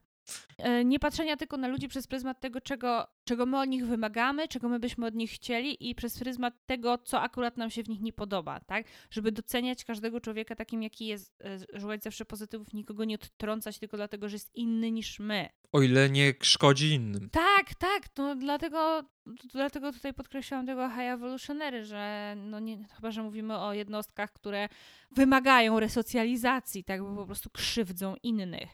No Albo tutaj bardziej radykalnych środków. I tutaj przechodzimy. Nie, no ja nie jestem za karą śmierci i tego typu rzeczami. Ja wierzę w resocjalizację, a przynajmniej chcę w nią wierzyć. Aczkolwiek, no Jezu, gdybym ja tego, jakbym, gdybym ja dorywała tego High Evolutionary, ale do niego dojdziemy, bo tutaj właśnie chciałam płynnie przejść do drugiej, najważniejszej kwestii tego filmu. To jest to, co doceniła nawet organizacja PETA. Jak ważny jest ten film pod względem uwrażliwiania widzów na krzywdę zwierząt. I James Gunn będzie miał mój dozgonny szacunek za. Owszem, filmy rozrywkowe to już od lat robią, że biorą jakieś ważne tematy i ubierają je w tą otoczkę kina rozrywkowego, żeby łatwiej widzom to sprzedać. Ale to, co Gunn zrobił tutaj, już było bardzo ordynarne. Bo po pierwsze, przez lata rozkochiwał nas w szopie praczu, po to, żeby później tę miłość wykorzystać przeciw, w cudzysłowie przeciwko nam w szczytnym celu, ale też no, postać High Evolutionary to różnym ludziom kojarzy się różnie, tak? Ja widziałam w internecie naprawdę rozmaite skojarzenia. No dla mnie to było to chyba najbardziej oczywiste, gdzie nie dość, że mamy eksperymenty, próbę stworzenia rasy panów, świata idealnego, no i jeszcze nawet to, że te dziewczynki, które były częścią tych eksperymentów, miały typowo aryjską urodę. No to był taki Marvelowy doktor, doktorek Mengele. I tutaj to jest drugi moment, w którym e, popisali się specy od napisów, od polskiego tłumaczenia, jak High Evolutionary zdradził Rocketowi sekret, że oni nigdy nie mieli użyć tego świata doskonałego i że no Rocket je, Rocketa mają zostawić, bo jego mózg jeszcze jest potrzebny, ale tą resztę to... No po angielsku powiedział po prostu, że macie zlikwidować, no ale po mhm. polsku dało do pieców. Więc no... Nie, wydaje mi się, że też było nie, chyba coś... do pieców. Nie? Po polsku było do pieców, po okay. angielsku było po prostu, żeby ich tam zlikwidować, czy coś w tym stylu. I tutaj Gunn wykorzystał motyw Holokaustu, który nie oszukujmy się, każdego mm-hmm. triggeruje, e, każdego gdzieś tam w jakimś stopniu porusza.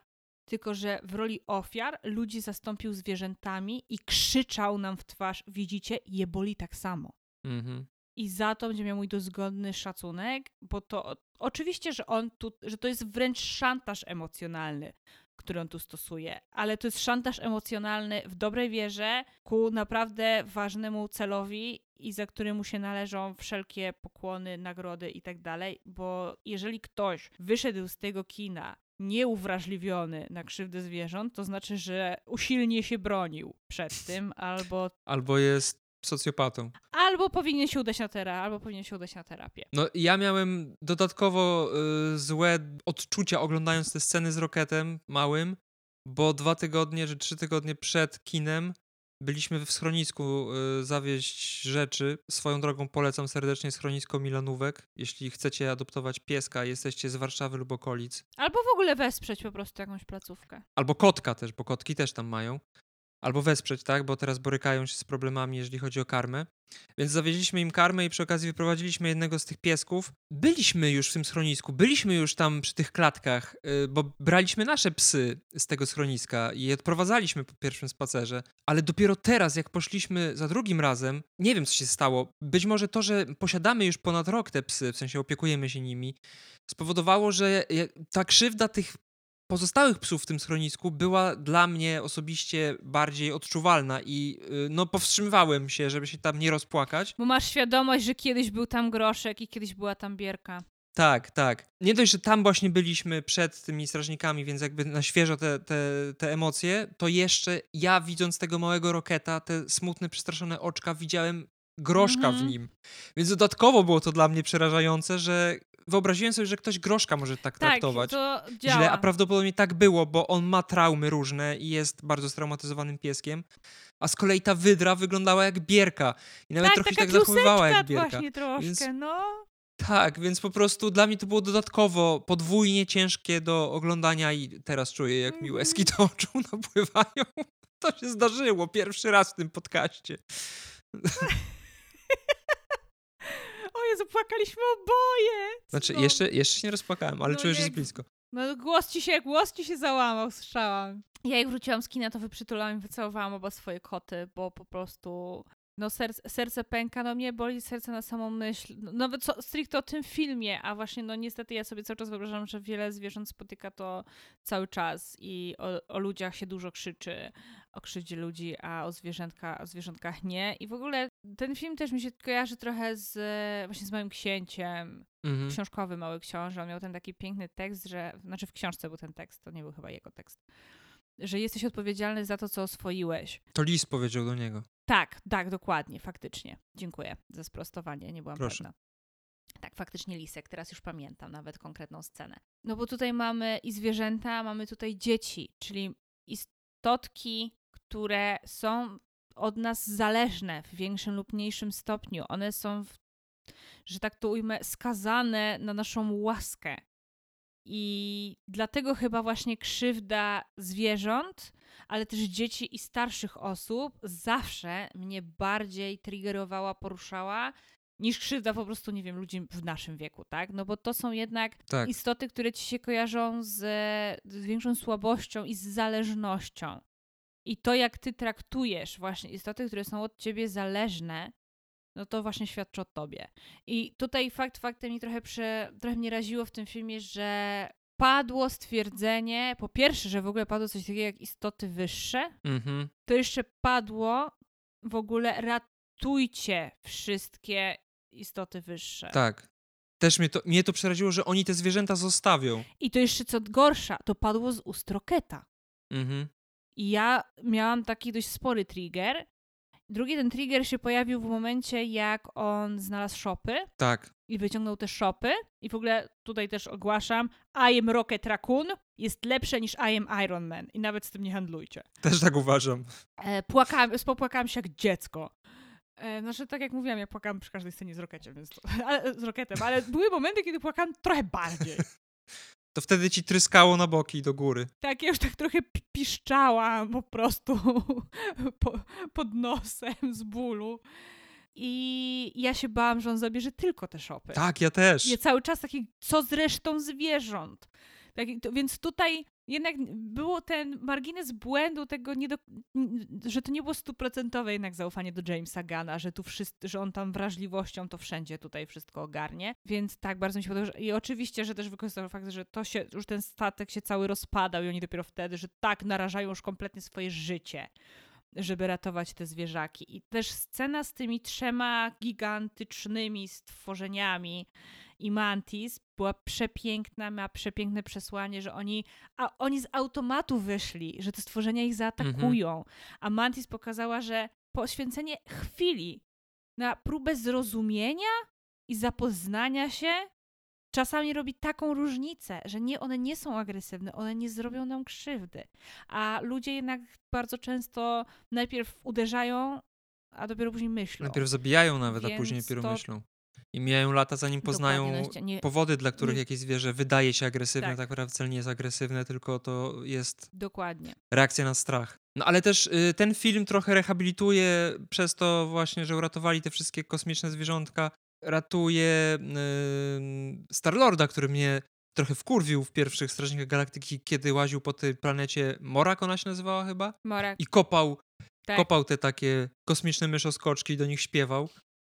I mam wrażenie, że. Znaczy, to oczywiście w filmie się nie pojawia, ale mam wrażenie, że tak jakby Strażnicy Galaktyki poprzez ratowanie tych zwierząt uświadomili sobie, że należy zwracać uwagę nie tylko na te istoty, które tworzą cywilizację, ale również te właśnie, tak jak powiedziałaś, wyglądające jak potwory na pierwszy rzut Tak, oka. i wydaje mi się, że tutaj nie bez powodu na samym początku akcji ratowniczej padło ratujcie wszystkie istoty wyższe. Tak, tak. Mhm. Tak czy inaczej, w ogóle nie, moim zdaniem nie powinno się używać takich stwierdzeń.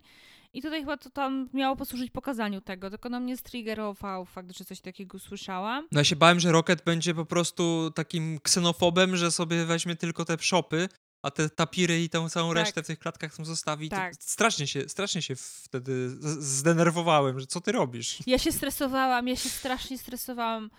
Ja, ja wiedziałam, jeszcze się nie wkurzałam, bo wiedziałam, że no jeszcze pewnie będzie czas, no bo jednak jeszcze muszą się zmierzyć z High Evolutionary. Później się bałem, że Rocket zginie przez to, że ratuje te zwierzątka. Do tego właśnie zaraz przejdziemy. Uważam, że High Evolutionary filmowy jest jednym z lepszych złoczyńców w MCU i przede wszystkim jest chyba tym, którego nienawidzę naj, najszczerszą nienawiścią, bo Thanos jednak Thanosa się jakoś tam dał zrozumieć, tak? On tam miał jakieś tam te swoje motywacje. No tutaj ja też rozumiem motywację High Evolutionary, ale u Ta- Thanosa ratowało też jego chyba podejście do Avengers, że on ich nie traktował jak wrogów, tylko jak przeciwników, że on im nawet pokazał, Mhm. potrafił okazać współczucie i tak dalej. On był bardziej ludzki, jak na ironię. To prawda. Tymczasem High Evolutionary to po prostu zafiksowany faszysta, no drugi doktor Mengele. Świetnie zagrana postać, aczkolwiek bawi mnie. Ja rozumiem, że oni chcieli zrobić, pokazać go jako takiego furiata, Tak. e, ale trochę za, ja za, zaczęłam zauważyć taką niebezpieczną tendencję że do aktorów Marvela chyba powinno dotrzeć, że my naprawdę będziemy traktować ich postacie poważnie, nawet jeżeli nie będą wrzeszczeć w niebo głosy. Aczkolwiek, się- no, Angeli Bassett, Angeli Bassett przyniosła tą nominację do Oscara. No ale tam to było uzasadnione e, sytuacją, ona nie darła się cały czas. A tutaj, No ale no, no bez przesady. tutaj faktycznie ja miałem, ty mówisz, że to jest, mówisz, że to jest najlepszy złoczyńca, jeden z najlepszych, tak? Jeden, no jeden z lepszych, no nie jest najlepszy, no Znaczy, zależy jak, daleko mu kategoryzować do złoczyńców. Thanosa, ale... ale charakterologicznie to jest dla mnie raczej słaba. W sensie, to jest jedyny chyba minus tego filmu. Znaczy, Charakterologiczny portret High Evolutionary. Znaczy on jest basicowy, on charakterologicznie Tak. jest basicowy, ale bardziej mi tu chodziło o złowieszczość tej postaci, bo ja się go bałam. To zdecydowanie. To I nienawiść I do niego nienawiść, też, tak, oczywiście. niena- to jest wspaniale to jak- zagrane, jeżeli tak, chodzi jakie- o wywoływanie tych emocji. to tak. jak, jak właśnie on działał na nasze emocje. Oczywiście tutaj dużo robił fakt, że to, że no, to nie był randomowy shop, tylko to był Rocket, tak nie oszukujmy się.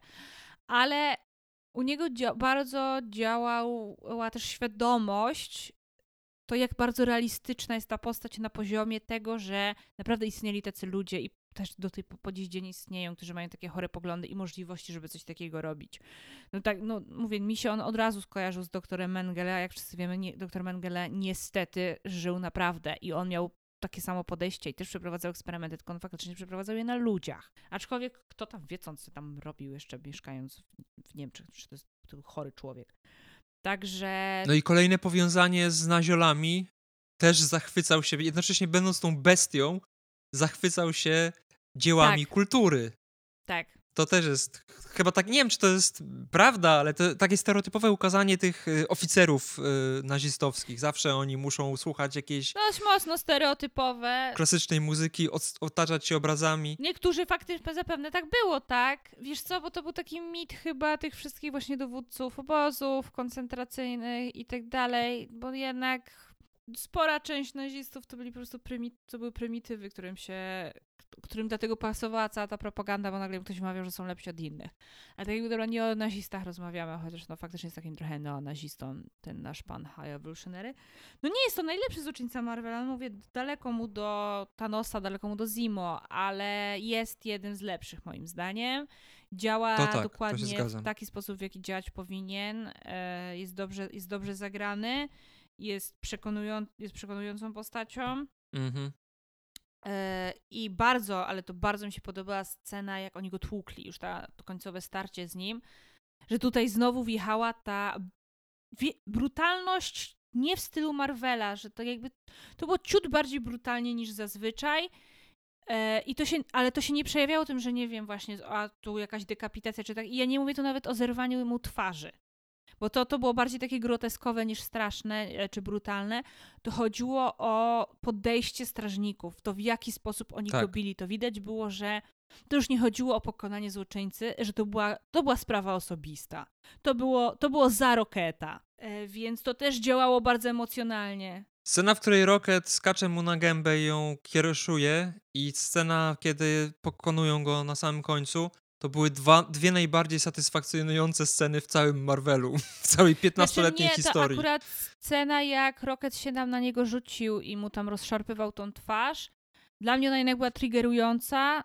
Eee, tak jakby zresztą widać było reakcję pozostałych przyjaciół, którzy jeszcze żyli. Tivsa i Fl- Flor Florki, czy Florka, ona była dziewczynką, czy? To była dziewczynka, Nie nie? Bo ona miała taki Chyba tak. Ona Chyba miała tak. żeński głosik i w ogóle z tych wszystkich zwierzaków to patrzenie na nią mi sprawiało największy, największy ból, bo ona wyglądała prawda. tak po... Jezu, biedactwo. No wszyscy, cała czwór, wszystkie zwierzaczki tam biedactwa, ale z niej aż po prostu się wylewał ten ból. Wystarczyło na nią Mhm. spojrzeć i po prostu ja odczuwałam aż... Mi w ogóle ten film, te retrospekcje ze zwie... z tymi zwierzakami, dosłownie ja już w pewnym momencie płakałam tak, że ja, czu- ja zaczynam odczuwać wręcz fizyczny ból. Tak ciężko było mi znieść to, co się tam dzieje. E, I oni, przecież oni próbowali, tam krzyczeli roket, do Roketa, żeby przestał. Że, że oni... Oni wtedy już nie żyli przecież. Nie, on, on ogarnął, że oni nie żyją, dopiero jak skończył i się rozejrzał. Oni początkowo krzyczeli do niego, żeby przestał. Aha, okej. E, no bo jednak no, o, nie zniżajmy się do jego poziomu, tak? I w ogóle też ich podejście, jak oni jeszcze byli zamknięci w tych klatkach. Do tego High Evolutionary też mi się znowu tutaj kolejne skojarzenie z doktorem Mengele.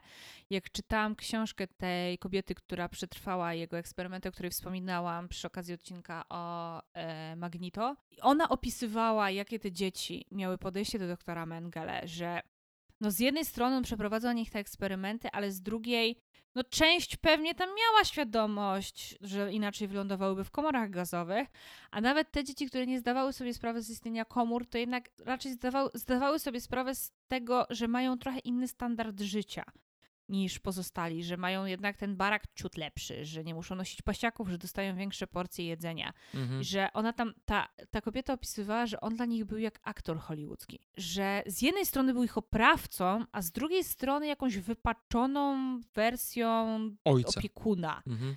I tutaj działało to na podobnej zasadzie, tak samo też jak zresztą z papą w Stranger Things. Mhm. No tak, to jest bardzo podobna postać, to prawda, nie skojarzyłem. Taki trochę syndrom sztokholmski w pewnym sensie. To, jest, to było tak strasznie smutne, że oni naprawdę wierzyli w to, że oni będą że nie będą mieszkać w tym świecie idealnym, że okej, okay, teraz cierpimy, ale nasz Pan stworzy ten świat mhm. idealny i tam już nic nas nie będzie bolało.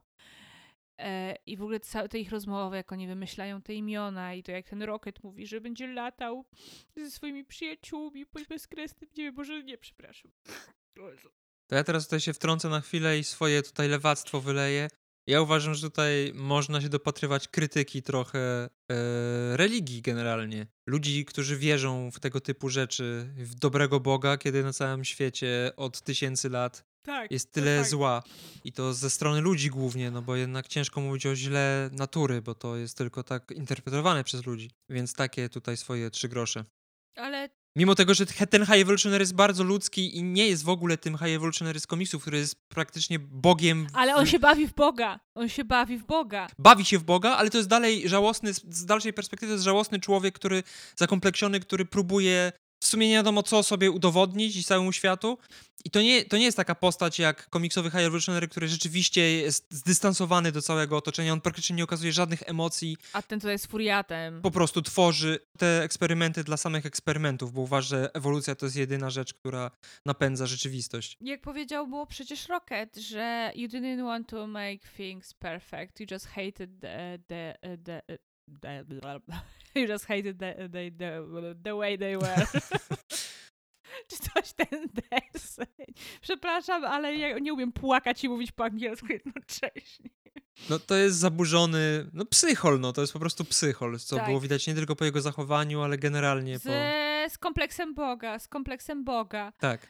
Chciałam jeszcze wspomnieć, że też to podejście e, tych zwierzaczków do tego High Evolutionary też, to, to też jest takie podejście dziecka do rodzica. Mhm. I to jest to, o czym ja mówiłam, że e, ponosimy odpowiedzial jesteśmy odpowiedzialni za tych, których oswoiliśmy i za wsze wszelkie istoty, które... I pieska dla opiekuna też. Tak, wszelkie istoty, które są od nas zależne. Ta, ta bezgraniczna ufność. On im wyrządzał krzywdę, a one wciąż ufały i wierzyły, że, że, że będzie dobrze, że wszystko będzie w porządku i jest to straszne. No i w ogóle no śmierć tych, tej Laili i Tifsa i Florki to, to było coś strasznego. I tutaj przejdźmy do sceny o Jezu, będę ryczeć. już płaczesz. E, ja widziałam głosy, że to wcale będę w sensie będę tak już ryczeć, ryczeć. Ja widziałam głosy w internecie, że ta scena była cheesy, bo była, ale tam niektórzy to faktycznie już zarzucali, że wybiła ich trochę z rytmu emocjonalnego, a mnie po prostu już kopała, już siedziałam, tak wiem, zaraz zacznę być na głos w tym kinie. Aczkolwiek fakt faktem bardzo rozbawiło mnie ewidentnie, czy to było nawiązanie, czy zerżnięcie, mniejsza o to, zadziałało tak, jak miało zadziałać. Śmierć kliniczna Roketa. No i w ogóle ten krzyk Starlorda, jak mm -hmm. ten Rocket, nagle jego serduszko przestało bić, no to to już samo w sobie było bardzo poruszające. Ale jak zrobiło się jasno i ten Rocket tam stał, to ja przez pół uderzenia serca byłam pewna, że zaraz pojawi się Albus Dumbledore. Czy to jest dosłownie ostatni Potter, tak? I śmierć Pottera. No i ta scena, jak pojawia się ta Laila.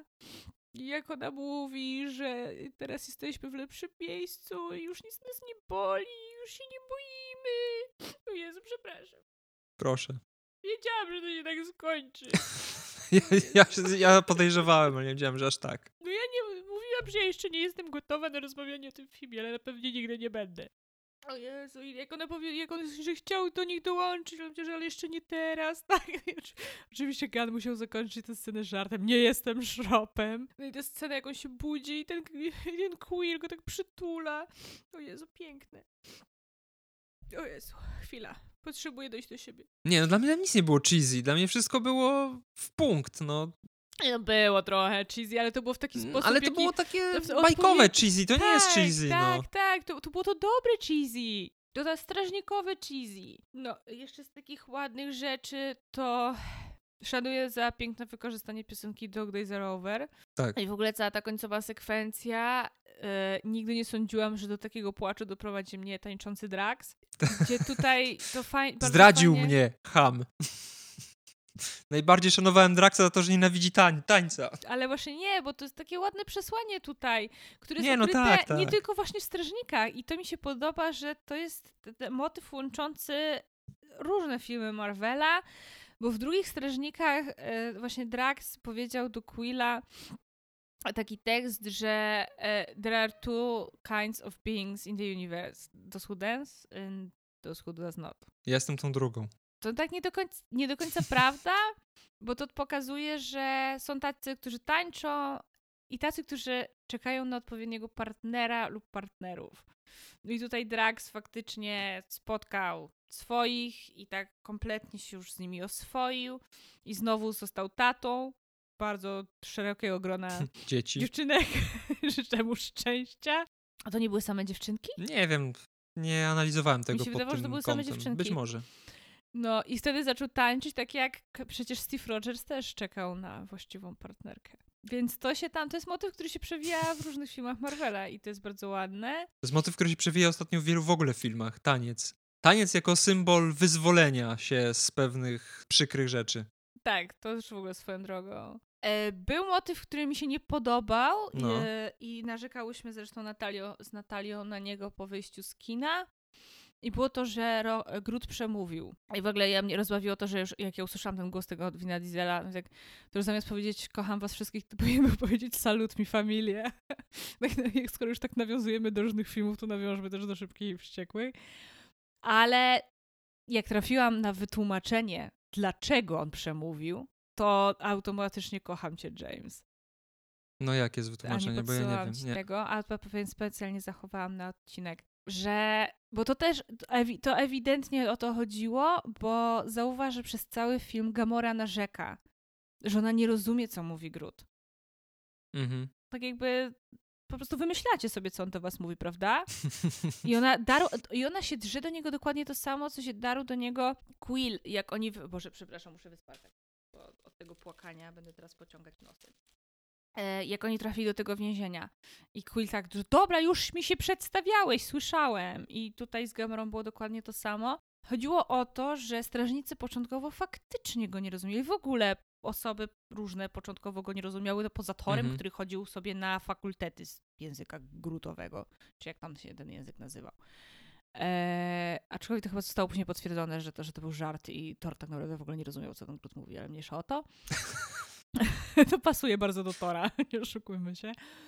Ale e, chodziło o to, że strażnicy początkowo faktycznie nie rozumieli, co mówi Groot, ale z czasem, jak go lepiej poznawali i nawiązywali z nim więź emocjonalną i stali się jego rodziną, Mhm. to jako jego rodzina zaczęli faktycznie rozumieć, co on mówi. I tutaj to miało być takie piękne zwieńczenie, że my przez całą tę podróż Mhm. ze strażnikami, my jesteśmy częścią tej rodziny i dlatego my też zaczęliśmy rozumieć to, co on mówi. No ładne wytłumaczenie, chociaż dla mnie to No było w sumie naturalne, bo przypominam, że w pierwszej części przed śmiercią Groot powiedział We are Groot, więc Ale on tylko, tak, ale to nie było, ale to było wciąż we are Groot po prostu, tak, ale to nie było pełne zdanie. nie no tak, tak, które tak, tak, jasne, jasne. W pełni dla nas zrozumiałe. Mi to w ogóle nie przeszkadzało, ale to o tym pod koniec powiemy, dlaczego. mi się rzuciło, mi się to rzuciło strasznie, no może nie w oczy, tylko w uszy, no bo to jest głos Wina Diesela, a głos Wina Diesela jest bardzo mocno zakodowany w mojej głowie, bo jestem fanką szybkich i wściekłych, chciałam podkreślić. Myślałem, że powiesz tak jak Klocuch, że Vin Diesel ma, że, że Vin Diesel to jest ten chłop, co ma głos jak traktor. No bo ma w sumie. Ale bo coś chciałeś powiedzieć. Nie pamiętam już, co chciałem powiedzieć, ale mam, chcę poruszyć pewien wątek, o którym być może zapomnimy, więc zrobię to teraz, trochę z dupy, ale to nic. Jak ci podobała planeta z Było sobie życie? Ta, ja, ta, ja też to było od razu moje skojarzenie, od razu na i powiedziałam, że ktoś tu był fanem Było sobie życie. O Jezu, była ekstra. E, I w ogóle te sceny tam, te humorystyczne i w ogóle ten, to jak ten Starlord potrafił wkręcać ludzi, ja, ja kłamię w dokładnie taki sam sposób. To udawane oburzenie. Moment, kiedy ty zaczynasz wierzyć, ty już grasz tak, jakbyś sam wierzył w to, że jesteś oburzony. To jest najlepsza taktyka. Najprostsza tak naprawdę w ogóle motyw, który Namantis wykorzystywała z rozkochiwaniem ludzi w trakcie. Piękne. W ogóle wizualnie fantastyczne, pomysłowe, bo to też to było tak. ewidentnie tak. inspirowane, e, było sobie życie, ale nie było tak po prostu przekopiowane, tak? To jednak było takie było sobie życie w interpretacji Jamesa Gana.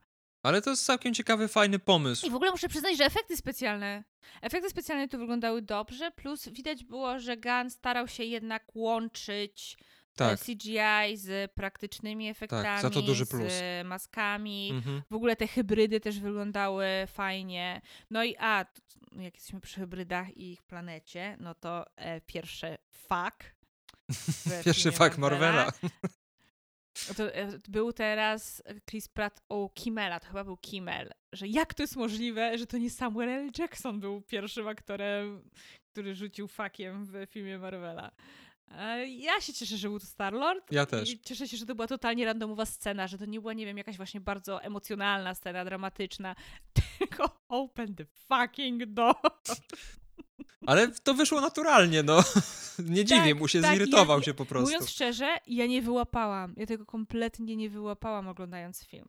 A to ja zwróciłem uwagę. Ja to znalazłam dopiero później w internetach. Ale jak już jesteśmy przy Starlordzie, to czy mogę walnąć ten swój monolog, o którym chciałam powiedzieć? Zapraszam. Który zajawiłam na początku filmu. Proszę bardzo. Jak oni byli właśnie na tym, e, w, e, w świecie było sobie życie i tej znowu nie pamiętam jak ona się nazywa, Ura? Ura? Mhm, tak. Jak jechali z Urą windą i Star-Lord w skrócie tłumaczył swoją dziwną relację i historię z Gamorą. Mhm. Welcome to my TED Talk. E, no i Star-Lord, streszczając tę historię, wspomina o tym, że doprowadził do śmierci połowy, do, w pewnym sensie śmierci połowy mhm. wszechświata. Ja rozumiem, że James Gunn odniósł się tutaj do E, tej bardzo kontrowersyjnej sytuacji, która miała miejsce w Infinity War, po której na postać Star-Lorda, bardzo się cieszę, że chyba nie na Chrisa Prata, przynajmniej o tym nie słyszałam, wylała się taka fala hejtu, że było to obrzydliwe. Już abstrahując od tego, że w ogóle hejt jest czymś okropnym, nie powinien mieć miejsca, nawet jeżeli dotyczy postaci fikcyjnej. Mm, każdy hejt jest zły, ale on był tak niezasłużony. Po prostu ta krytyka wielka tego Starlorda, litości, to mnie tak irytowało, że okej, okay, ja nie będę go tu bronić, nie będę go usprawiedliwiać i nagle twierdzić, że przecież Starlord did nothing wrong. Owszem, spierniczył sprawę. No mówię tutaj o tej sytuacji, jak zaczął okładać Thanosa i zniweczył no, tak, tak, ściągnięcia, ściągnięcia rękawicy. Ale przepraszam, nie tylko on spierniczył sprawę w tym filmie, a Thor? No przede wszystkim. A Wanda? A Gamora? Na, nie widziałam, żeby na nich ktoś wieszał psy. Ich się usprawiedliwiało, im się wiele wybaczało i tak dalej. A Starlord to był ten w ogóle zły, najgorszy i to wszystko przez niego i tak dalej. A chciałam w ogóle zresztą zauważyć dwie istotne kwestie. Słuchasz mnie? Słucham, pieski przyszły, muszę pogłaskać. Pierwsza, pierwsza jest taka, że wszystkim nagle umknęło, że Star-Lord zdobył się na takie samo poświęcenie, na jakie zdobyła się Wanda, tylko mu się po prostu nie udało. On strzelił do Gamory. To po pierwsze. Mm-hmm, to prawda. A druga kwestia jest taka, że w odróżnieniu od Tora, Wandy czy Gamory, bo tam oczywiście na, na, różnych etapach tam różne osoby gdzieś tam im się coś potknęło, ale to są te, te osoby, które faktycznie koncertowo spierniczyły sprawę, zwłaszcza Thor, to z nich wszystkich Star Lord ma jednak jeszcze taką linię obrony, że jego można podciągnąć pod niepoczytalność. Bo przepraszam, ale obstawiam, że 90% tych hejtujących w chwili takiego wyrzutu adrenaliny i takiej traumy, jaką jest wieść o śmierci najbliższej ci osoby, zareagowałoby bardzo podobnie. Bo Mhm. w tym moment, w takich momentach ludzie reagują różnie i często reagują irracjonalnie i nie panują nad sobą. Reakcja Starlorda była w pełni naturalna, była zrozumiała, okej, była nie na miejscu, no spierniczył sprawę, czaję. I ja nie będę mu teraz przyklaskiwać, ale wieszanie na nim psów przy jednoczesnym bagatelizowaniu tego, co zrobił Thor, co zrobiła Wanda, czy co zrobiła Gamora, no to przepraszam bardzo, było jawną niesprawiedliwością i wiązało się wyłącznie z tym, że był po prostu najmniej popularną postacią. I nie był tak uwielbiany przez fanów jak Thor i ludzie mu tak bardzo nie współczuli, jak współczuli Wandzie. I mówię to ja jako naczelna fanka Wandy. Wanda spierniczyła sprawę, bo trzeba było siedzieć na dupie i pilnować Visiona, zamiast lecieć i strugać superbohaterkę, która nagle będzie wszystkich ratować. Od tego jest Kapitan Ameryka, żeby ratować wszystkich. Ty miała siedzieć na tyłku i gdyby nie ty, to może Shuri by zdążyła i wszystko by się tak nie skończyło. Dziękuję bardzo, welcome to my... Welcome już było. Thank you for listening to my TED Talk. Fa, No. Jesteś jak film Jamesa Gana. Przechodzisz w jednym momencie od płaczu do, Tak. do agresji. A teraz, dobrze, Do a teraz brutalności. do śmiechu, bo jak już tu jestem, jak tu już, jest, jak już tu jestem, ja czułam trochę w kościach, że może umrzeć Starlord i da- dałam się nabrać. Był też moment, kiedy myślałam, że zginie Nebula, Mhm. jak ona tam, nie pamiętam co ona tam robiła tą swoją super ręką, ona ma tą rękę jest znacznie lepszą niż Baki. Zasilała Nowhere chyba, czy, czy tą Tak, dokładnie. cytadelę tego. E, I w ogóle też szanuję, że osóbką, znaczy osóbką, to nie jest dobre określenie, ale istotką, tak, istotka, która przytrzymywała ten statek przy Nowhere, była Kosmo. Mhm. Jestem z niej bardzo dumna. Świetnie sobie poradziła. Dobra psinka. E, no i e, bałam się, że zginie Nebula, bardzo bym płakała, że ja tam płakałam za każdym i tak, i tak płakałam.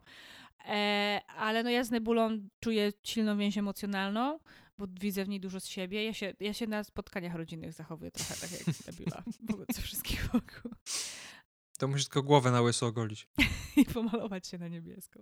I, cza- i dać sobie wydłubać oczy i zastąpić je czarnymi. Tak. Jak popek monster. O Jezu, daj spokój.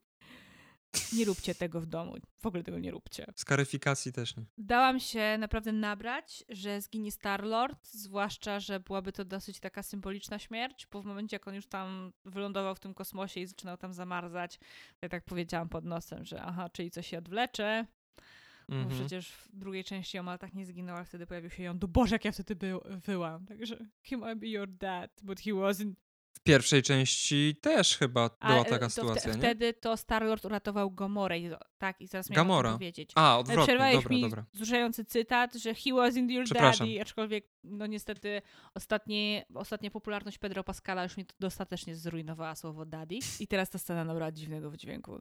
Dzięki Pedro, a raczej dzięki internautki. Tak, była w pierwszej części taka scena, że Star-Lord tak uratował Gamorę, zakładając jej ten swój hełm. I w ogóle ja widziałam, że już w internecie dużo osób pisze o tym, że nagle ten hełm zniknął w trzeciej części, ale Gunn powiedział w którymś wywiadzie, że to jest Tak. tak, że on o nim zapomniał. Po prostu Quill, jak mieli lecieć ratować Roketa, się trochę spieszył i po prostu tego nie wziął ze sobą. End of story. Widziałem tą wymówkę, chociaż ja wymówka. jestem rozczarowany, bo liczyłem, że Quill dostanie w końcu taki e, hełm, jaki miał w komiksach, taki pełen zabudowany, taki przypominający trochę hełmy żołnierzy pruskich z I wojny światowej. No ja przyznam szczerze, że ja kompletnie nawet nie zwróciłam uwagi na to, że ten hełm gdzieś tam zniknął. E, Tam e, ktoś próbował jeszcze tam bronić Gana, że przecież ten hełm chyba został zniszczony w drugiej części, ale on miał ten hełm w Infinity War i w Endgame. Mniejsza o to, no ale ja przez chwilę uwierzyłam w to, że on zginie. Później stwierdziłam, że pewnie uratuje go Gamora, tak jak on ją uratował w pierwszej części, będzie wielki Ja się tego bałem. I w tym momencie wjeżdża on. Już w ogóle to, że to zostało pięknie zgrane z tym, jak oni wcześniej uratowali tego Warlocka i Warlock zapytał, dlaczego mnie ocaliliście, skoro kilkakrotnie próbowałem was zabić.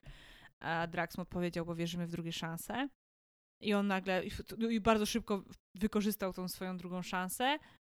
I ten mo- ikoniczny moment stworzenia Adama. to było tak piękne. Ja sobie to nie tylko ustawię na zdjęcie w tle, ja sobie to prawie w ramkę i powieszę na ścianie. Aczkolwiek tutaj no jest taki mankament, że trochę mi brakuje scen z Warlockiem, które by się w jakikolwiek sposób odniosły do śmierci jego matki. No, to prawda. No, może coś tam zostało wycięte w sumie. Ja mam takie wrażenie, to, to trochę wygląda, jakby to zostało wycięte. Nie, może dostaniemy w jakimś, jak wyjdzie na Blu-rayu, to dostaniemy jakiś pakiet. Mam nadzieję. Albo w przyszłości po prostu w kolejnych produkcjach. Jakiś Tak, wątek tego- taki się tak- rozbudowujący tą postać. No mam taką, mam taką nadzieję. Ale to też jest fajny właśnie, tak a propos Warlocka, że mi trochę zabrakło przy, przy Warlocku filmowym, że ja miałem nadzieję, że on cały czas będzie umierał i się odra- odradzał jakby. Ja, Jezu, ja się cieszę, że tak się nie stało, Ale Boże. z drugiej strony finalnie cieszę się, że tego, że tego nie ma, bo dzięki temu on się staje bardziej ludzki. On się po prostu przez doświadczenie uczy pewnych rzeczy i to w bardzo szybki sposób. Jak być człowiekiem. Tak, Przez to fakt. obcowanie ze strażnikami galaktyki. A nie robi tego jak w komiksach przez kontemplację w kokonie i ponowne wyklucie się z niego. Przez co też może nie będzie tak, tak e, mało ludzką postacią, bo, No właśnie, to jednak, był problem, e, to był jeden- staje się powoli To człowiekiem. był jeden z głównych problemów dla mnie komiksowego e, Warlocka. To, że on był po prostu właśnie tym chodzącym ideałem, nie było w nim nic ludzkiego, a drugie to, że w koło Macieju był ten sam wątek. Znaczy on nie był takim ideałem tak No ale- naprawdę, on był w teorii ideałem, później wyszło jak wyszło. No dobra, no ale sztywny był, no, tak samo no, Kapitan Ameryka też z założenia w MCU No, był był sztywny, niby tak. ideałem, a później Civil War zburzyło trochę ten, ten obraz. Ale no nie, ja jestem bardzo zadowolona z filmowego Warlocka i liczę na więcej. No i tutaj ta scena, pierwsza scena po napisach z nową ekipą strażników. Bardzo fajny mają ten, ten skład, bo chciałam zauważyć, że tutaj chyba już przeważają istotki nie będące ludźmi. Bo mamy Duponia, Kosmo mamy Kosmo, mamy Roketa i mamy Gruta. i jeszcze Fairavell, Kogo? ta dziewczynka mała. Ale no ona jest człowiekiem. No nie, ona jest w sumie nie wiadomo czym. No dobra, no ale Jakąś- wygląda jak człowiek ma i tak Humanoi- dalej. No. no. jest humanoidem, Tak, ale no nie jest- jest, człowiekiem No dobra, no jest, o Jezu, chodziło mi, no tak, to, to był bardzo duży skrót myślowy, tak? No tak samo Kraglin też nie jest człowiekiem. No ale, Ale, no dobra, tylko, ale jest tylko trójka, tak? Bo są oni i jest Warlock kontra, no tam czwóreczka, więc ekstra. Może ktoś jeszcze dojdzie. Mam pewną propozycję i liczę na nią od lat. Na kogo? Na jaką propozycję? Y, okej. Pod koniec o tym pogadamy. Yy, ja, jeszcze, ja jeszcze wrócę do tego, co mówiłaś o tych śmierciach. Y, Przed samym seansem byłem przekonany, że Karen Gillian, Gillian, nie wiem jak się mówi to nazwisko, y, że ona umrze, w sensie Nebula, bo widziałem jakieś, nie wiem, czy są plotki, czy to zostało potwierdzone, że ona będzie Poison Ivy u Gana w uniwersum DC grać. A to ja nic takiego nie widziałam. I sobie myślę, no a to może już zrezygnowała z Marvela i w takim razie ją zabiją. Na Roketa i na Starlorda nie dałem się nabrać przez... U Roketa przez to, że zwiastuny pokazywały sceny, które przed śmiercią kliniczną się jeszcze nie wydarzyły, więc wiedziałem, że musi Tak, to powrócić. jest zawsze największy problem zwiastunów. U Starlorda z kolei wiedziałem, że ten wątek z początku, kiedy chyba Nebula mu mówi, że... Czy, nie, to Mantis mówi, żeby do dziadka pojechał, nie? Tak, no z jednej strony to, to faktycznie, e, że skoro coś takiego się pojawiło, to że będzie, że będzie miał jakieś echo później, ale jednak ta scena była na tyle wymowna i symboliczna, że ja przez chwilę faktycznie dałam się nabrać, że ten król zginie. Nie, no jak zmienił się w Krzysztofa Krawczyka, to ja byłem przekonany, że on umarł, że mu głowa powoli eksploduje. A ja się zastanawiałam, kogo on mi przypomina. Swoją drogą, co mu się stało? Ja się nie znam na fizyce, więc nie wiem. Nie, spuchł Co, co to się prosto od, od mrozu? No nie wiem, ja też się nie znam. Człowieku, ja jestem humanistką. Taką humanistką, że się napisałam Syriuszy zamiast Syriuszów. Co? E, mówię, że taka, że taka ze mnie humanistka, że napisałam Syriuszy zamiast Syriuszów. Sergiuszów, Boże. Nawet nie wiesz, jak się nazywam. Ostatnio, jak dzwoniłeś do mnie, jak sobie leżałam w ogrodzie rozwalona jak żaba na liściu i zapomniałam, że mamy nagrywać podcast i do mnie pisałeś, się nie odpisywałam, więc do mnie zadzwoniłeś. A ja, Syriusz do mnie dzwoni? Zapomniałam, że ja zapomniałam Znaczy- sobie ciebie jako Syriusz. Dlaczego? Ja często cię mylę z Syriuszem Blackiem. Czas- Czasami mówię Syrgiusz. To teraz fun fact, miałem się nazywać Syriusz. Mój tata o, optował za takim imieniem, ale finalnie stanęło na Sergiuszu. No i teraz wyszło jak wyszło, ja teraz mylę. Ale nie znasz tej historii. No nie, nie znałam. Znaczy nie znałam, Tak? Ale ci to? myliłam jeszcze zanim poznałam tę historię. Tak, mówiłaś nam jeszcze jak w Antyradiu pracowałyśmy w redakcji. Kiedy to było? Sto, sto lat temu, kiedy jeszcze Ziemia była płaska. Tak. I na żółwiach się opierała. Coś jeszcze miałam. Poczekaj, o czym, o czym, o, o, o czymś mówiliśmy i ja coś miałam wtrącić. Coś miałam wtrącić. Yy, kurde, nie pamiętam, no. Ale yy, podoba mi się to, że jednak nikogo Tak. ostatecznie nie zabił Gan. jestem szczęśliwy. A, wiem. E, jednak nas, e, jak mówiłeś o tym, że były sceny z Rocketem, które się jeszcze nie wydarzyły Mhm. śmie- e, przed śmiercią kliniczną, ale te zwiastuny też nas trochę tam chyba robiły w bambuko, bo były takie sceny z Rocketem i Lailą, kiedy Rocket już był duży i mnie to wprowadziło w błąd i ja byłam święcie przekonana, że Laila przeżyje.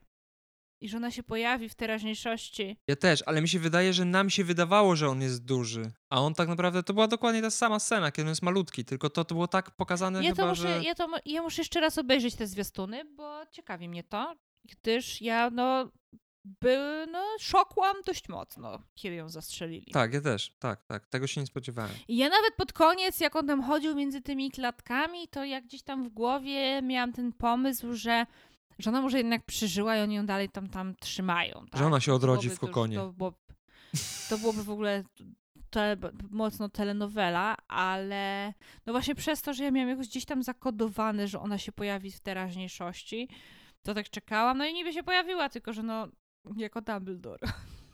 No ja, ja odebrałem to w zwiastunach, że oni się po latach spotykają. Nie wiem dlaczego. No tak, Tak- ja tak też. sobie to... I chyba, zapisałem co, no to o to chodziło moim zdaniem. No że chyba no Marvel tak. lubi, lubi nas robić w bambuko ze zwiastunami. Przypominam, że zwiastun Antmana Trójki zapowiadał zupełnie inną fabułę filmu. Za to też szanuję. Ja jeszcze tylko dodam, że wykorzystując ten wątek ewolucji, który się przewija w tym filmie na różnych poziomach, to też ewolucja muzyczna, trzeba zwrócić uwagę na to, że tutaj y, dość przyspieszona, bo tutaj okresy muzyczne poszły trochę... Tak, bo e, przecież te, tego Walkmana, to był Walkman, tak? Odtwarzacz muzyczny e, Quilla przecież mu ego rozwalił w drugiej Mhm. części i on od Kraglina dostał. Nie pamiętam, co to był za sprzęt, nasz Michał No jakiś iPod taki, coś pisał. No coś ja w też no, za iPodem to nie był iPod, Sep- sekundę, ja to No nie, nie, ale coś, te, coś w tym stylu. Coś w tym stylu i tam faktycznie już była muzyka do lat dwutysięcznych. Także to je, tutaj jest ta zgodność, jest ta ciągłość. Tak, to też, też jest fajne. Zun, Zune się pisze. Okej, no to Zoom pewnie. Nie wiem, ja w ogóle nie wiem, co to jest, jakby to mnie ominęło. Ja też nie. Tak, ja, ja wiem, czym są iPody, tak, ale ja to miałam MP3, MP4 i to by było na tyle. tak, ja też. Coś jeszcze? Yy, czy komiksowe smaczki? Easter eggi i odniesienia? Wiesz co, no na ten moment chyba już mi nic nie przychodzi do głowy, więc może, no może mi się przypomni po drodze. Dobrze. Trochę będzie tutaj takich oczywistości, yy, które w sumie nie wynikają z samego filmu, bo już były wiadome wcześniej, ale my nigdy w tym podcaście o tym nie rozmawialiśmy za bardzo. A jak rozmawialiśmy, to może w małym dozowaniu. Przede wszystkim Nowhere jako siedziba Strażników Galaktyki. To jest pomysł wzięty z y, serii z 2008 roku, kiedy też Strażnicy Galaktyki A tam to wtrącę się... tylko, ta czacha wygląda przekozacko. Tak, i w komiksach to też jest Naprawdę czacha ekstra. Celestiala, która dryfuje sobie w kosmosie, jest zamieszkana przez różne istoty. Tylko, że tak jak Nowhere była pokazana w pierwszym y, filmie, gdzie tam kolektor sobie mieszkał, i to była taka planetka jakby, no to tutaj było troszeczkę... Tutaj było po połączenie w sumie tego, co było w pierwszym filmie i w trzecim filmie w, ty w, tej, w tej serii z 2008 roku, bo jednocześnie tam mieszkały jakieś sobie istoty z kosmosu, i była to siedziba strażników, strażników galaktyki. Więc oni jakby tam po prostu wynajmowali przestrzeń. Tak to można ująć. To nie, było, to nie należało do nich. A tutaj w tym filmie ewidentnie jest tak, że oni jakby przewodzą tej społeczności na Nowhere, tej odrodzonej po, po Thanosie. Kostiumy ujednolicone i przede wszystkim to logo. Jezu, zawsze zapominam, jak się nazywa ta grupa, w której y, był Yondu? Ravagers. Tak. To oni mają to, mieli to logo takie przypominające taki płomyk jakby i Strażnicy Galaktyki sobie je zaadoptowali. To jest oczywiście też z tej samej serii z 2008 roku, na, który, na której Gunn bardzo mocno bazował, tworząc całą trylogię. Yy, No i właśnie dlatego brakowało mi tego hełmu Starlorda, bo on w tej serii dostał ten właśnie hełm, który jest taki dość ikoniczny w tym momencie. Sam Adam Warlock, no to nie będziemy się tutaj rozwodzić, bo poświęciliśmy tej postaci godzinny odcinek, na który serdecznie zapraszamy. Wspomnę tylko, że Ayesha, czyli ta złota pani, która w filmach była jego matką, y, to w, Elizabeth Dybicki. tak, to w komiksach była jego jakby siostrą, bo została stworzona przez tych samych ludzi y, i taką kontrowersyjną siostrą w twoim klimacie gry o Tron, bo ona chciała z nim spółkować, aby spłodzić nową rasę zajebistych ludzi. Nice. E, No i sam wątek wyjścia z kokonu za wcześnie również się pojawia w komiksach, o czym też wspominałem. To też było właśnie w tej serii, kiedy Warlock wyszedł za wcześnie, przez to nie mógł kontrolować swoich mocy i przez co trochę później na końcu zmienił się w Magusa. Swoją drogą, jak myślisz, Magusa wątek wykorzystają w filmach, czy sobie to darują? Wiesz co, wydaje mi się, że coś tam mogą liznąć, aczkolwiek no zależy, kto teraz się pochyli nad postacią Warlocka, tak? No straciliśmy Gana. No niewykluczone, że też wątek multiversum może wprowadzić Magusa jako po prostu alternatywną złą wersję Mhm. Warlocka. Niekoniecznie, że to będzie Warlock, który się w pewnym momencie zamienia w Magusa, tylko raczej inna zupełnie linia jego historii. Twoja ukochana Kosmo, która w komiksach jest chłopcem, y, i jej konflikt z Kraglinem przypomina trochę konflikt Kosmo komiksowego z, z y, komiksowym Rocketem, którzy się nie lubili jako tacy jakby naturalni wrogowie, no bo psy z szopami nie za bardzo, więc oni tak od pierwszego spotkania się za bardzo nie tolerowali i dopiero pod koniec w jakiś tam sposób się pogodzili. Więc to też A zostało w ogóle, wykorzystane. czekaj, przy okazji pokażę ci, co ja dostałam. Ja to kiedyś wysyłałam na naszej grupie, ale nie wiem, czy widziałeś, co dostałam od moich przyjaciółek na urodziny. Sekunda. Pokaż. Wrzucę zdjęcie na sociale, bo O! jest shop i napis dla mnie jesteś tak. śmieciem. Wspaniały talerz. Zazdroszczę. Tak. Przez Jamesa Gana naszemu kontu na Instagramie zaczęły się w proponowanych pojawiać filmy z shopami, praczami, bo lajkowałem te wszystkie testowe rokety. Ale e, znam dziewczynę e, z mojego rodzinnego Żyrardowa, u której byłam kiedyś tam na makijażu na wesele przyjaciółki, e, whatever, no ale tak jakby no, byłam u niej w domu i ona właśnie ma dwa shopy.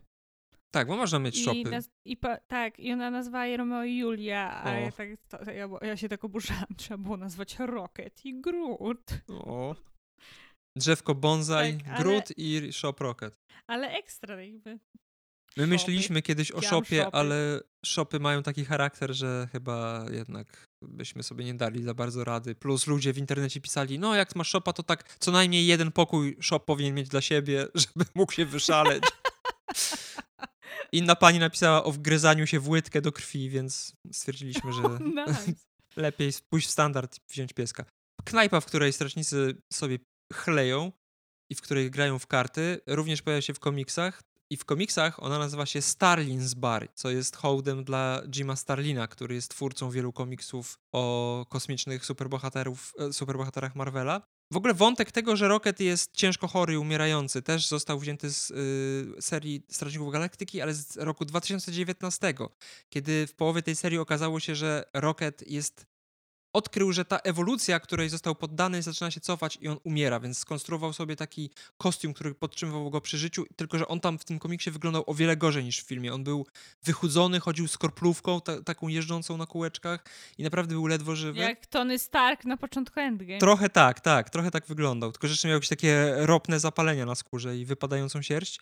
Y, I on oczywiście zatrzymał to w tajemnicy przed swoimi kolegami i chciał na własną rękę się uporać z tym problemem, a później po prostu umrzeć. I tylko Gamorze to wy, y, wyjawił tą straszną prawdę i ona mu obiecała, że go pochowa. Oczywiście finalnie udało się go uleczyć, ale żeby to zrobić, zahaczono między innymi o Half-World i tu jest coś, o czym zapomniałem w e, omawianiu e, Rocketa.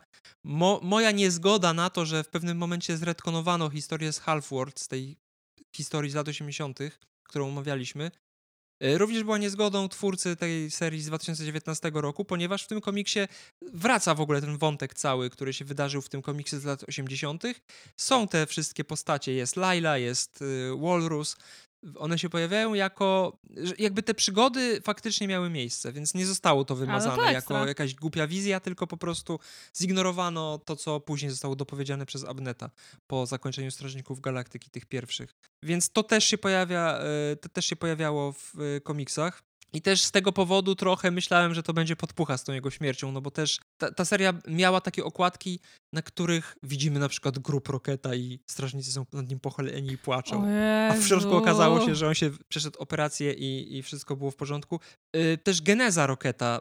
y, widzę tutaj pewne podobieństwa, mimo tego, że ten komiks, którym omawialiśmy, pokazywał powstanie tych zwierzątek na Half-World, znaczy tych półzwierzątek, półludzi na Half-World jako coś w sumie takiego nieinwazyjnego, to w tym właśnie komiksie z 2019 roku zostało to pokazane w o wiele bardziej dramatyczny sposób i te roboty, które tam zostały na tej planecie, łapały te zwierzaczki i na siłę je przeistaczały w tych opiekunów psychicznie chorych pacjentów. I ten Rocket również cierpiał i był męczony. Uważam, że to jest akurat silna inspiracja filmami y, i tymi takimi flashbackami Rocketa filmowego. I też tutaj pojawia się Baby Rocket, bo on był, on został pokazany w retrospekcji jako malutki shop, którego jeden z pacjentów uspokajał się, kiedy miał go na kolanach i go głaskał. I on został na siłę odebrany temu pacjentowi przez roboty i zmieniony w Rocket Raccoona. O High Evolutionary też mówiliśmy w osobnym odcinku, również do niego y, zapraszamy, więc tutaj też nie ma sensu się nad tą postacią rozwodzić. Ale przyznaję, że się czułam jak jakaś ta, jakbym należała do jakiegoś wipowskiego klubu, jak zaczyna, jak tam jest ten film, nagle się pojawia miejscówka, że Hunter Earth i ja wiedziałam, co to jest. Cieszę się, czuję się spełniony. No i oczywiście koledzy Rocketa, y, tutaj mają zmienione imiona oprócz Lily, bo zamiast Walrusa jest Thieves, zamiast y, Blackjacka jest Flor. Również są wzięci z tej historii, o której mówiliśmy jakiś czas temu. I pamiętasz, jak wspomnieliśmy o tym, że być może James Gunn wykorzysta te kły Morsa strzelające, co niestety się nie stało, bo James mhm. Gunn stwierdził, że wypaczy tą historię i zrobi z niej taką brutalną wersję. Ja go będę wielbić za to e, do końca świata jeden dzień dłużej. Tak, więc ta naiwna bajeczka taka y, została tutaj przedstawiona w bardziej brutalny sposób.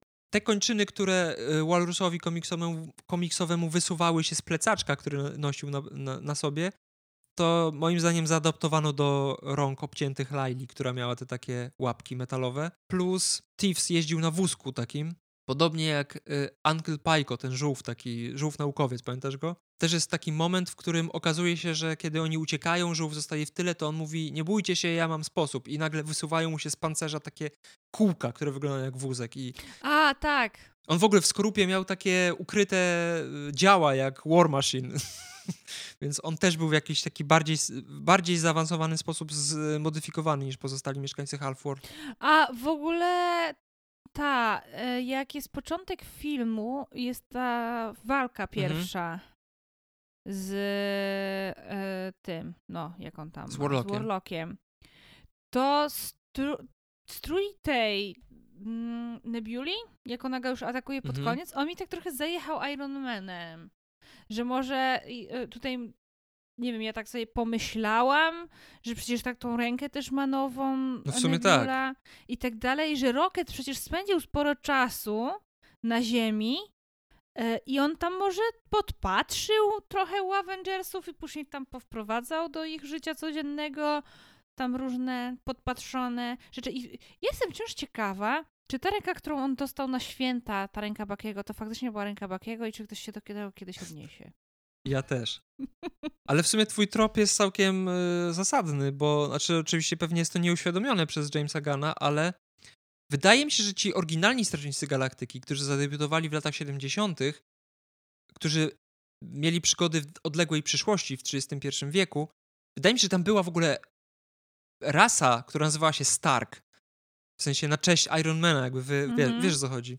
Y, więc jakieś pokłosie gdzieś tam y, tego, tej technologii przełomowej Tonego Starka w y, tych komiksowych Strażnikach Galaktyki też się pojawia i być może tutaj jest podobnie. Ale no tutaj też, tak, no i tutaj w filmach to, uważam, że to było, jeżeli to faktycznie było zamierzone, a nie tylko jakieś takie nasze usilne już skojarzenia, no ale Nebula nigdy wcześniej czegoś takiego nie miała. No nie. też zaznaczę tylko, że bardzo mi się podoba, że to Nebula była tą osobą, która wy, tak jakby już przestraszyła tego Warlocka, że on zaczął uciekać. Ale no, to byłoby takie fajne podkreślenie tego, że faktycznie mhm. Rocket jednak spędził to 5 lat na Ziemi z, z naszymi, no bo nie spędzał tego czasu z Torem, jak doskonale wiemy. No Nebula tak, też w sumie, więc mieli tak. czas na Dokładnie, modyfikację. Zwłaszcza, że właśnie Nebula przecież spędziła tyle czasu ze Starkiem, ona się zaprzyjaźniła ze Starkiem. No właśnie, polubił. więc ma to sens. Także, ma to dużo sensu. Tak, to, i to fajne, to fajne to znowu, to, to jest to, co ja zawsze tak kochałam właśnie w MCU i czego mi brakuje w, czasach post-endgame, czyli to jak to wszystko się tam łączy, że tak czujemy, że to jest, że to jest ta spójna całość. Także no, to słuchajcie. Ja wierzę, że jeszcze się połączy. Ale wracając do żółwia, to też żółw się ewoluowany pojawia, kiedy zostaje powołany do tej humanoidalnej formy, a później zabity, bo jest agresywny, więc nie wiem, czy Jezu, to jest zamierzone, Jezu, czy nie. tak, Boże, jest no, jak oni wsadzali tego żółwika mm. tam, no, no jest to Ja jako były posiadacz żółwia, czy posiadacz to brzydkie słowo, jako były opiekun żółwia też przeżywam tego typu rzeczy, kiedy żółwiom dzieje, dzieje się krzywda. Też nie lubię posiadacz, właściciel i tak, tak. dalej. Ja jestem człowiekiem, mamą lub y, opiekunką moich kotów. Tak, bardzo ładnie. język, którym się posługujemy, wpływa na to, jak później się zachowujemy w rzeczywistości nas otaczającej, więc szanuję za to. Dokładnie. Sługus, y, jeden z tych naukowców High Evolutionary, ten, który miał ten komputerek będący celem Starlorda Mhm. i Gruta, On też był okropny. był, Okropny. tak. Człowiek, tak jakby tutaj oczywiście w nawias to bierzemy, tak, że człowiek. Humanoid. Podobny sługus pojawia się w serii y, Uncanny Avengers, z której moim zdaniem Gunn najbardziej czerpał, tworząc y, wizerunek High Evolutionary filmowego, bo tam też on był właśnie takim doktorem Mengele, takim w ogóle nie, nie już tym takim powiedzmy bogiem, który w jakiś tam sposób jednak patrzy z miłością na te swoje stworzone istoty, tylko takim chłod, na chłodno patrzącym psychopatą. Miał takiego sługusa, który właśnie w podobny sposób się zachowywał i też, też był, też miał takie sadystyczne skłonności, ale też pada jego funkcja jakby, nazwa jego funkcji. On został nazwany rekorderem. E, Rekorderzy w komiksach Marvela to są takie e, roboty stworzone przez e, ridgeliańskich kolonizatorów, takie, taką rasę kosmitów, czy gatunek kosmitów, którzy podbijają różne światy i oni zapisują całą swoją historię za pomocą tych właśnie rekorderów. To są takie chodzące za nimi roboty, które obserwują i zapisują to, co się dookoła nich dzieje, a jest to moim zdaniem dobry trop, ponieważ i w historii Warlocka, i w historii High Evolutionary rekorderzy się pojawiali, więc tutaj myślę, że e, Gunn to wykorzystał. E, Dwie padają, dwie nazwy e, gatunków, które High Evolutionary powołał do życia. Kseronianie i Animen i obie te y, rasy jakby istnieją w komiksach Marvela. Ta pierwsza to są jacyś mało znaczący y, bohaterowie z komiksów o Hulku, a Animen pojawiają się dwukrotnie. W sensie jedna wersja to są przeciwnicy, klasyczni przeciwnicy Daredevila, ludzie, którzy trochę przypominają zwierzęta i trochę mają ich cechy i taki zły pan postanowił y, ich wykorzystać jako swoją taką, jako swoich takich goryli jakby. Przebrał ich w stroje zwierząt.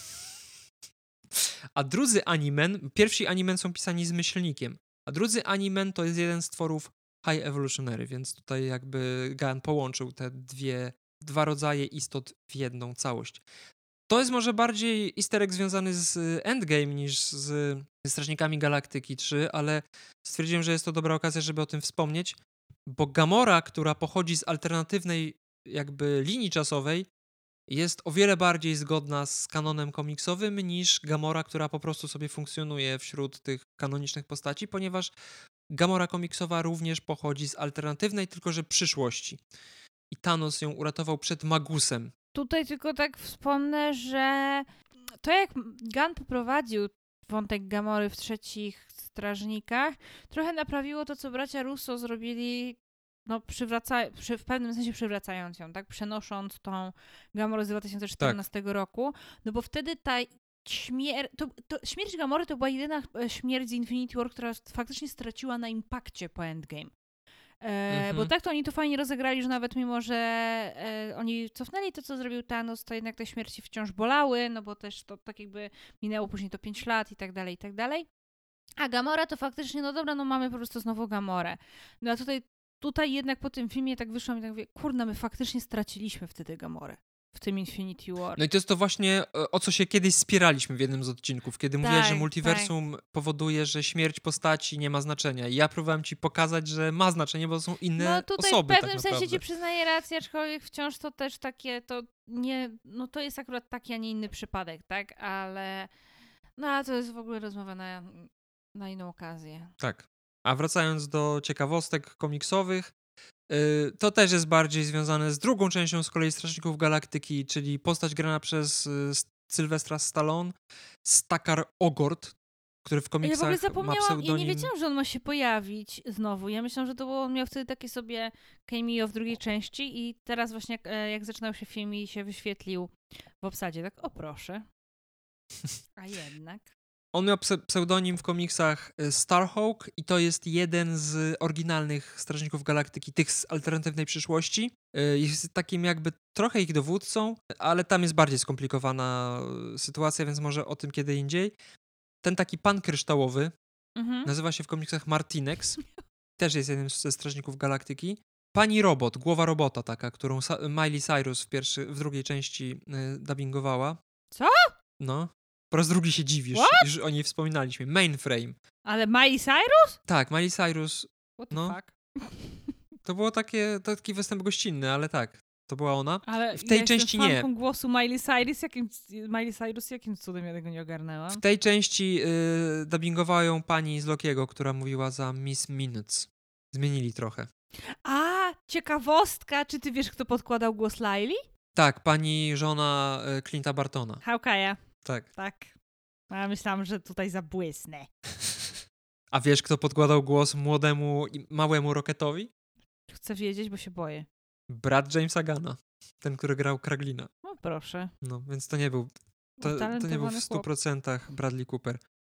E, W każdym razie ta głowa robota e, to jest mainframe, która w komiksach wygląda troszeczkę inaczej, ale też z głową robota, tylko że w komiksach to jest Vision, który po prostu wyewoluował w taki wielki komputer, który nadzoruje cały ekosystem, chyba jakiejś planety, już nie pamiętam dokładnie.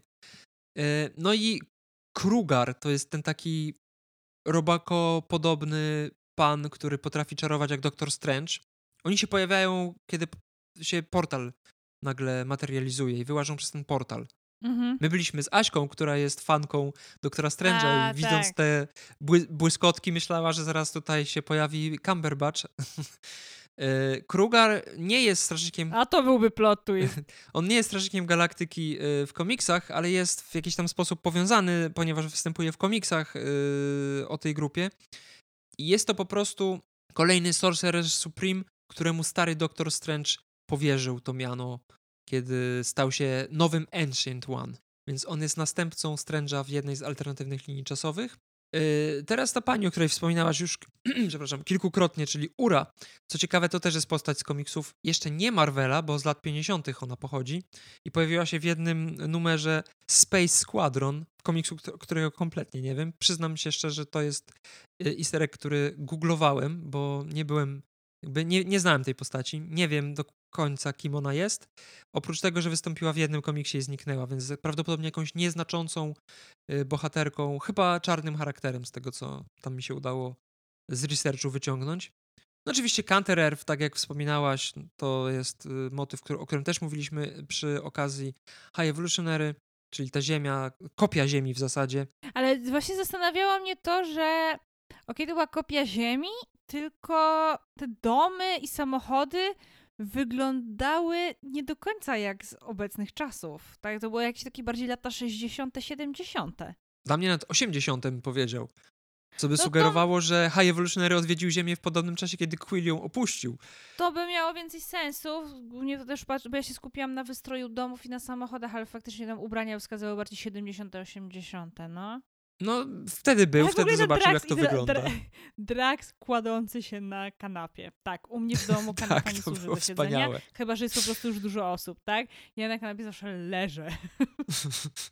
No, w sumie ma chłop rację, no. Na leżance, jak sama nazwa wskazuje, się leży, a nie siedzi. Dokładnie. Poza tym faktycznie jest to dość problematyczne, kiedy przychodzą goście i wsiada, nie masz innego miejsca do siedzenia, tylko kanapa i wszyscy siedzą w rzędzie i to jest takie dziwne. Że... Tak. No ale wracając do tego Counter Earth, tutaj na uwagę moją taką szczególną zasługuje ta statua wolności, która przedstawia High Evolutionary z małpą pod ramieniem.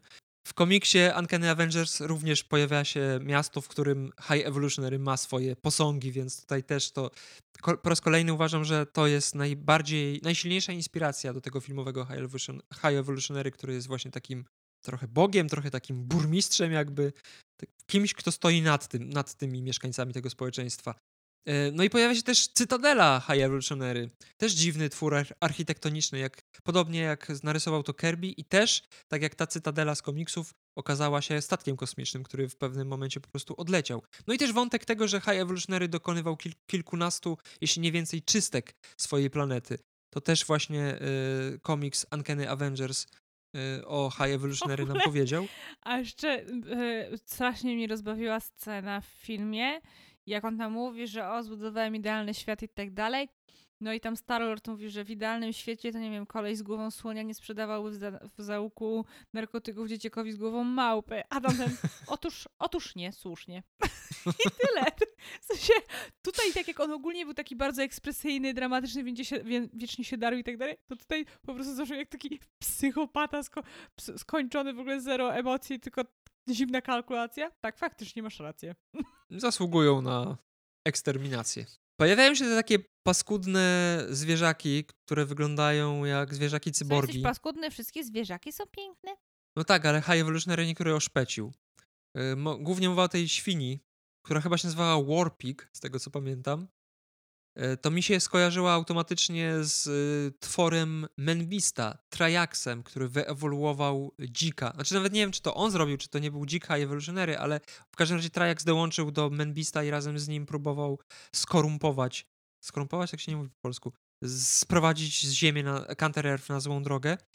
Yy, więc myślę, że tutaj jest, to nie, mówi się po polsku skorumpować, jest w tym słów. kontekście też, tak? A nie. Bo nie, mi się w kojarzy raczej z nie, korupcją, ale taką, wiesz, tylko- przekupstwem. Chciałam tylko się upewnić, że będziesz wiedział, że takie słowo faktycznie funkcjonuje w naszym języku.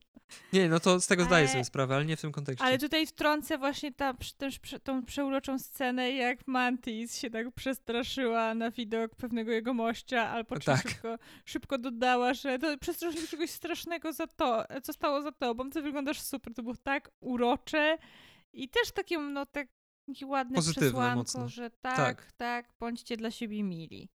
Naprawdę patrzcie na wygląd. Kocham cię, panie James Gunn. Tak. A to swoją drogą James Gunn y, dubbingował tego ludzika. O, to good to know, nie wiedziałam. No ale Triax tak. Triax był jednym z pierwszych wrogów Warlocka, więc myślę, że tutaj też była silna inspiracja. I generalnie wydaje mi się, że jak się ten kret nazywał? Jakes? Chyba Jakes. Ten kret, który tworzył zabawki. On też miał kilka tych zwierzątek poddanych jakiejś takiej modyfikacji cyborgowej i one mu służyły jako jego mięśniaki. Te dzieciaki, które High Evolutionary stworzył, które były tymi żywymi bateriami, potrzebowały snu, jedzenia, picia i tak dalej. Podobny wątek pojawia się z kolei w Avengers z 2013 roku, kiedy, o których też wspomnieliśmy przy okazji High Evolutionary. Zebra Kids tak zwane, takie dzieciątka, które High Evolutionary postanowił sobie wziąć do eksperymentów, bo one się pojawiły w pewnym momencie e, stworzone przez inną zupełnie rasę kosmitów.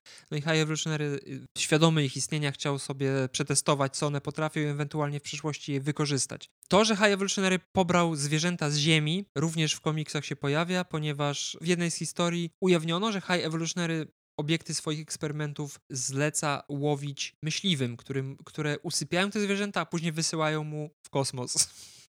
I też była jedna, był, był, był też jeden wątek, w którym High Evolutionary po prostu okradł zoo na Bronxie i wziął sobie zwierzaki, żeby je wyewoluować. Jezu.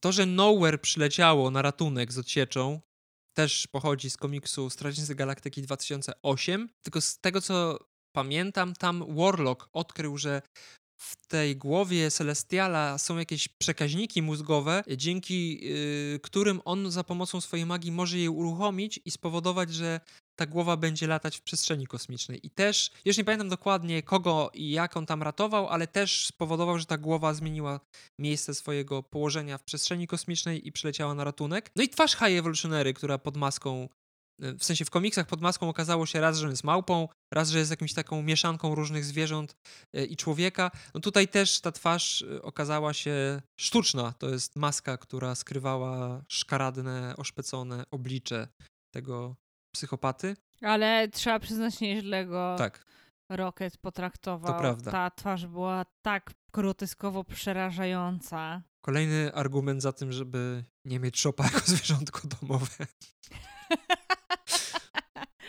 I teraz to, co ci się nie podobało, czyli ten gru- mówiący Groot. Na mnie to w ogóle nie zrobiło wrażenia, ponieważ w pewnym momencie w komiksach Groot zaczął normalnie mówić. I nie tylko mówił No I... to może z tego powodu, że spędziłeś z nim już tyle czasu. Być może, nie wiem, czy to zostało kiedykolwiek poruszone, ale też Groot jakby wyrasta, e, po, po, też po odrodzeniu, bo, bo też wątek z odrodzeniem Groota z, łodyż, z łodyżki też w tym y, ranie Abneta się pojawia.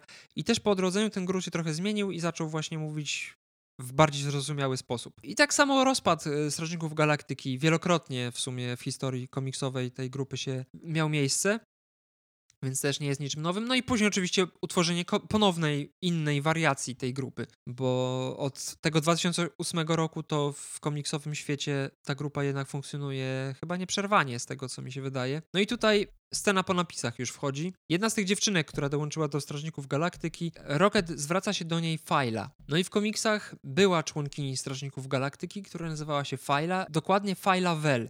I ona była córką oryginalnego kapitana Marvela. Córką, która miała w sobie geny kapitana Marvela i mieszkanki Tytana, która de facto jest mm, jedną z e, Eternals, Elysius, która była żoną, która była ukochaną kapitana Marvela. I po śmierci kapitana Marvela ona zapragnęła między innymi dzieci, więc wzięła jego DNA i jakby wytworzyła takie dziecko z in vitro. I pierwszym tym dzieckiem był Jenisvel, to był syn kapitana Marvela, a później, kiedy on zginął, zrobiła sobie córkę Failevel. I Failevel przez jakiś czas była Quasar nową i co ważne, Failavel była dziewczyną Moondragon, o której chyba już wspominaliśmy. Moondragon jest telepatką i komiksową córką Draxa. Więc mam nadzieję, że obecność Failavel sprawi, że w przyszłości w MCU zadebiutuje również Moondragon, którą bardzo lubię, w sensie jej komiksowy pierwowzór e, i być może kiedyś sobie o niej więcej powiemy, kiedy będzie taka potrzeba. Co prawda w MCU prawdopodobnie nie będzie córką Draxa, ale myślę, że pojawienie się Filivel to zwiastuje. No i to, że Groot przybrał taką wielką formę, e, to jest w sumie podwójne nawiązanie bo Groot zadebiutował zaraz po narodzinach, nie wiem czy nie przed narodzinami Marvel Comics, albo, zara, albo tuż po, jako złoczyńca, który w jednozaszytowej historii przyleciał na Ziemię jako Groot, który chciał skolonizować planetę, mieszkaniec planety X y, i to był właśnie taki ogromny Groot. A później ten wątek został ponownie wykorzystany, kiedy Groot nabrał popularności dzięki filmowym Strażnikom Galaktyki i ten King, King Groot, tak on się nazywa, powrócił. I to też jest taki wielki potężny grut. Mam nadzieję, że w takiej formie go zostawią. Chociaż tego napakowanego gruta polubiłem. W Holiday Specialu mi się on nie podobał. Wiem, właśnie pamiętałam. Tutaj bardzo go polubiłem. No i pojawia się to, z czego Rocket jest yy, znany, czyli nie wiem, czy to były te buty odrzutowe yy, Star-Lorda, czy to był po prostu jakiś plecak odrzutowy, ale Rocket w końcu potrafi latać. Chyba, że latał wcześniej i tego nie pamiętam. Nie wiem, sprostuj mnie, jeśli się mylę. Ja sobie nie przypominam. Za... Ja go zawsze pamiętam stojącego komuś na ramieniu. No właśnie. Czy to Grutowi, czy to Torowi, czy to War Machine'owi. Więc y, Grut w końcu ma to, z czego w komiksie słynął, czyli rakietowe, rakietowy jakiś tam plecaczek czy buty. A, i zapomniałem powiedzieć jeszcze jednej rzeczy. Oni sobie tam, te zwierzątka, Rocket, Laila, y, Thieves i Flor, fantazjują o tym, jak to będzie wspaniale latać w rakiecie po niebie. Nie wiem, czy pamiętasz, jak kończy się seria z 84 czy 85 roku, kiedy Rocket, Laila, tak. Jack i Walrus odlatują w przestrzeń kosmiczną w rakiecie. Więc tutaj też jest moim zdaniem jawne. No, bym się płakać. Przepraszam, jawne nawiązanie do tego komiksu, który teraz jeszcze bardziej polubiłem przez ten film. bo tam przynajmniej Laila sobie żyje i cała reszta zwierzątek. I druga scena po napisach, kiedy y, Star-Lord wraca do domu i pyta się, czy tutaj mieszka Jason znaczy, Quill. Nie, on wraca do domu w filmie, a scena po napisach jest, tak? jak już jest w tym domu i narzeka, że musi kosić trawnik. Tak. A, dobra, to by się pojebało w takim razie, przepraszam, pomyliło mi się. No ale to w każdym razie jest powiązane ze sobą. Pyta się, czy Jason Quill tutaj mieszka. No i tutaj yy, jest nawiązanie do komiksowego ojca Petera Quilla, Jasona, pisane J apostrof Son, który jest królem planety Spartax. I tutaj troszeczkę to Gans pożonglował tą y, biografią Quilla komiksowego, bo z Igo zrobił trochę z tego Jasona, a z Jasonem nazwał dziadka, który w sumie chyba w komiksach się nawet nie pojawia. Więc y, Jason jest bardzo podobną taką właśnie rządną władzy, zagrażającą wszechświatowi postacią w komiksach, e, na szczęście w filmach jest zupełnie inaczej. No i to, że legendary Star-Lord powróci, to tutaj można się dopatrywać, że być może jest to nawiązanie do komiksu Legendary Star-Lord z, nie pamiętam z jakiego roku, w którym śledziliśmy solowe przygody Star-Lorda, który znalazł sobie nową miłość życia i była to, co ciekawe, Kitty Pride, czyli Shadow Cat, która ma czytelnicy komiksów znający tę postać wiedzą, fetysz, ponieważ wszyscy jej ważniejsi chłopacy, partnerzy mają na imię Peter. O Chryste, nie, no mam nadzieję, że oni nie będą go pakować w kolejny wątek miłosny. Właśnie miałam zapytać, e, tak jakby, czy masz pomysł, gdzie on w takim razie ma powrócić, bo ja mówiąc szczerze, byłam w szoku. Ja się szykowałam już mentalnie na ten os os ja ostatni cios w serce, że pojawi się napis Strażnicy Galaktyki już nie powrócą. Tak. Na samą myśl zachciałam się, się płakać. Nie, no. A, więc tu się zdziwiłam, że akurat Star-Lord, no bo to bardziej się spodziewam, że okej, okay, skoro jest nowa ekipa strażników, ten nowy skład, no to może oni, a tu, że Star, no że ja się cieszę, bo ja zawsze lubiłam Star Lorda. Ja też. E, ale nie mam kompletnie pomysł. Ja i tak obstawiam, że oni wszyscy się pojawią oczywiście w Secret Wars. Oczywiście, że tak. Ale To po prostu jest koniec historii pisanej przez No Gana, tak. ale ciąg dalszy nastąpi pisany, tak, tylko pisany pytanie, przez no kogoś nie, innego. no e, i Zoe Saldana mówiła, że ona skończyła z Gamorą i Dave Bautista mówił, że skończył z Draxem, także wiesz, no, zobaczymy. Ale z drugiej strony, No mogą te wątki wyciszyć. e, tak, no i żeby się Bo oni wszyscy- poszli swoją drogą Tam jakby. są już jakieś przecieki, że w Secret Wars to się Tony Stark ma pojawić, więc come on. No ale zobaczymy. Pojawią się wszyscy poza Jonathanem Majorsem. Hehe. E, Ja nie mam pomysłu e, jakiegoś konkretnego. Myślę, że mogą się w jakiś tam sposób inspirować tą serią solową Star-Lorda i faktycznie sp- próbować zgłębiać jakieś wątki dotyczące jego postaci, czy to przeszłości, czy przyszłości. Nie wiem, nie, nie, nie mam pomysłu. My się śmialiśmy z Aśką i z Olkiem, e, że będzie to paradokument o tym, jak on się dziadkiem opiekuje. I w sensie To ja o tym go, myślałam pieluchy mu właśnie, że będzie pokazanie, jak on kosi trawnik i tak dalej i ja, i ja bym oglądała. Ja naprawdę bym oglądała. Nie, ja też bym I oglądał. niech zrobi to tak. Taika Waititi, skoro nie ma już Gana i w ogóle tak, błagam, dajcie mi to. A z rzeczy co do filmu, o których e, chciałabym wspomnieć, a zapomniałam, ta scena walki, e, już jakie oni są w całym składzie i tak dalej, jest tak fenomenalnie nakręcona. I w ogóle nie było do tej pory takiej sceny w MCU i ona jest praktycznie chyba na jednym ujęciu w ogóle nagrana. Coś pięknego. Albo to ładnie maskują. Albo to ładnie maskują, ale naprawdę ekstra jest i pomysłowa, i dynamiczna, no subcio. Miu, Tak. Cud, miód i orzeszki. Tak jak nie lubię scen walki, takie sceny walki bardzo lubię, bo w takich scenach walki widzę, co się Tak. dzieje. Ja nie cierpię tych bardzo poszatkowanych, kiedy nie wiesz, kto z kim walczy i w jakim momencie. I nagle ta osoba stoi tutaj, a 5 sekund później jest Tak. zupełnie gdzie indziej. Nie wiadomo, jak się tam znalazła.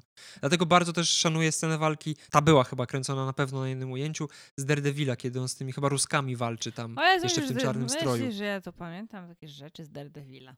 Ona trwa chyba z 15 minut, ale to było coś pięknego. E, No więc tyle ode mnie, jeżeli chodzi o jakieś komiksowe rzeczy. Jeżeli wyłapaliście coś jeszcze, to oczywiście piszcie w komentarzach. Chętnie się dowiemy. Podsumowanko? No, podsumowanko chyba. Ocena?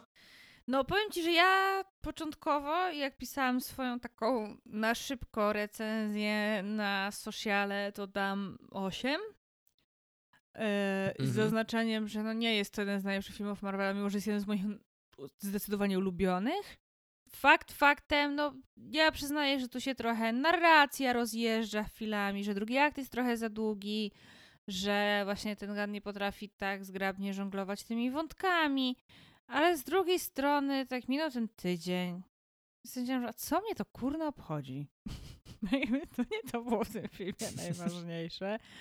I fakt faktem strukturalnie lepiej się trzymały te dwie poprzednie części Strażników, ale ten film ma takie serducho, on Mhm. ma tak ważne przesłanie i jest tak fenomenalnie z, z, zgrany pod wieloma innymi względami, że no ode mnie to jest takie dziewięć i to nawet z hakiem i gigantycznym serduchem. To ja teraz tutaj zacznę wstępem. Jak wszyscy dobrze wiemy, Strażnicy Galaktyki to mój ulubiony film MCU, który sprawił, że w ogóle się tym uniwersum na poważnie zainteresowałem i dałem mu drugą szansę.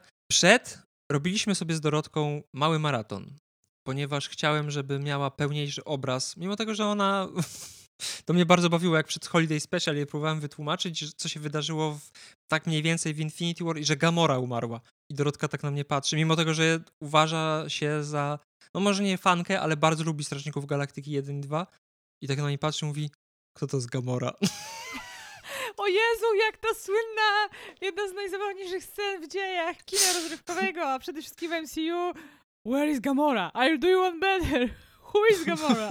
I'll do you one better. Why is Gamora? To było improwizowane przez Dave'a Bautistę. Szanuję. Szanuję bardzo.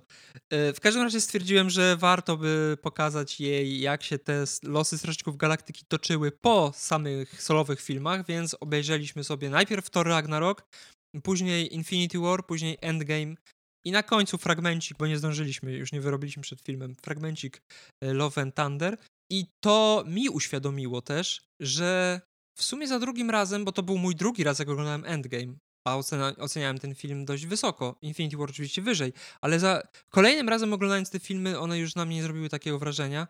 Bardziej doceniłem Strażników Galaktyki, a oceniając Strażników Galaktyki 3 porzucam perspektywę kogoś, kto się zna na filmach, żeby nie powiedzieć krytyka filmowego i patrzę po prostu z perspektywy fana zwykłego, tak po prostu.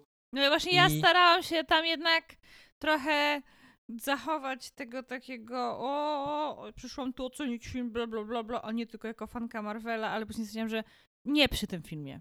To nie, naprawdę nie przy tym filmie, to, to tutaj kompletnie nie o to chodzi. Te, i tak w jednej recenzji zresztą, którą czytałam, taki piękny tekst właśnie a propos tego, że on tam właśnie formalnie to tam ma jakieś tam braki, że trochę to też nie na miejscu, żeby wypominać jakiekolwiek tam tego typu braki filmowi, który jest pochwałą niedoskonałości. To fakt. W każdym razie, dał mi to, czego oczekuję od kina rozrywkowego, nawet o wiele więcej tak naprawdę. Dlatego uważam, że i też oczywiście patrzę na to w kontekście całej trylogii, no bo jednak ciężko jest oceniać mi ten film jako solową rzecz. Yy, dlatego daję 10. Uważam, że to najlepszy film Marvela, najlepsza część Strażników Galaktyki i kocham całym serduszkiem.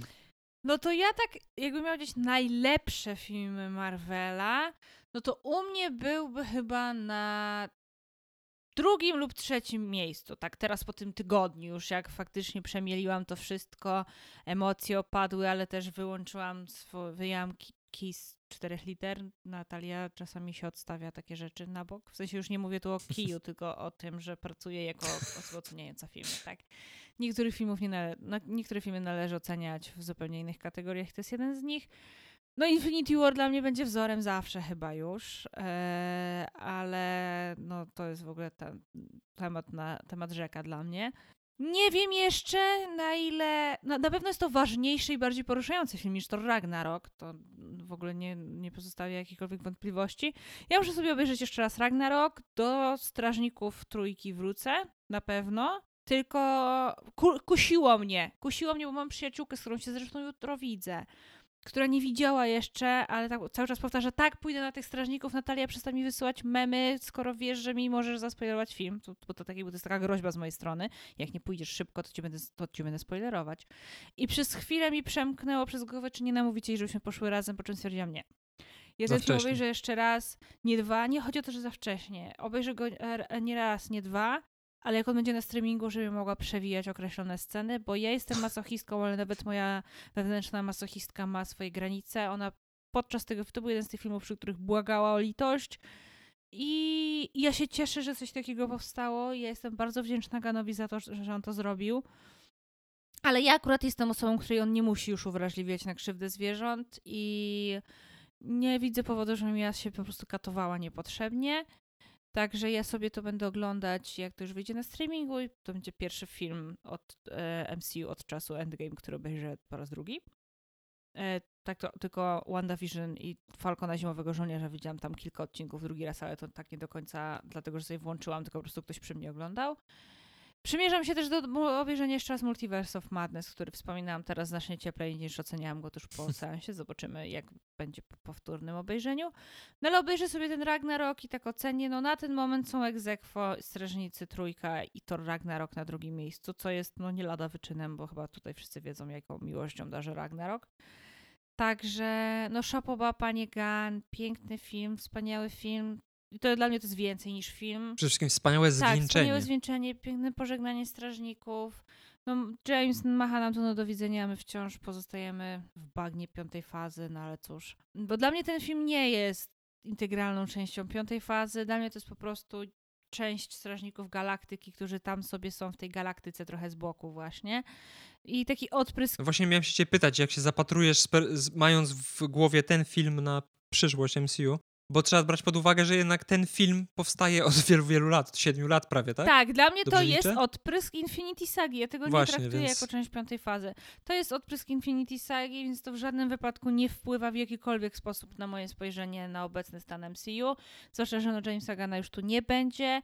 Fakt faktem, no ja czekam na Secret, Inva- Secret Invasion. Yy, czekam mimo wszystko teraz już na tego Lokiego dwójkę, bo chyba tak to, że miałam trochę vibe tego Infinity War e, podczas seansu Strażników, to na nowo rozbudził moją miłość do Lokiego, bo się otworzyła trochę ta rana związana z jego śmiercią w Infinity War. W ogóle też kusiło mnie, czy nie obejrzeć Infinity War, ale na ten moment jest za wcześnie, bo ja będę płakać, a ja wypłakam bardzo, bardzo dużo łez podczas tego filmu. Ja w ogóle, jak wyszłam z kina, to miałam tak czerwone i spuchnięte oczy, ja w ogóle byłam tak zmęczona, że ja się czułem, jakby walec po mnie przejechał. Ja poczułem ulgę.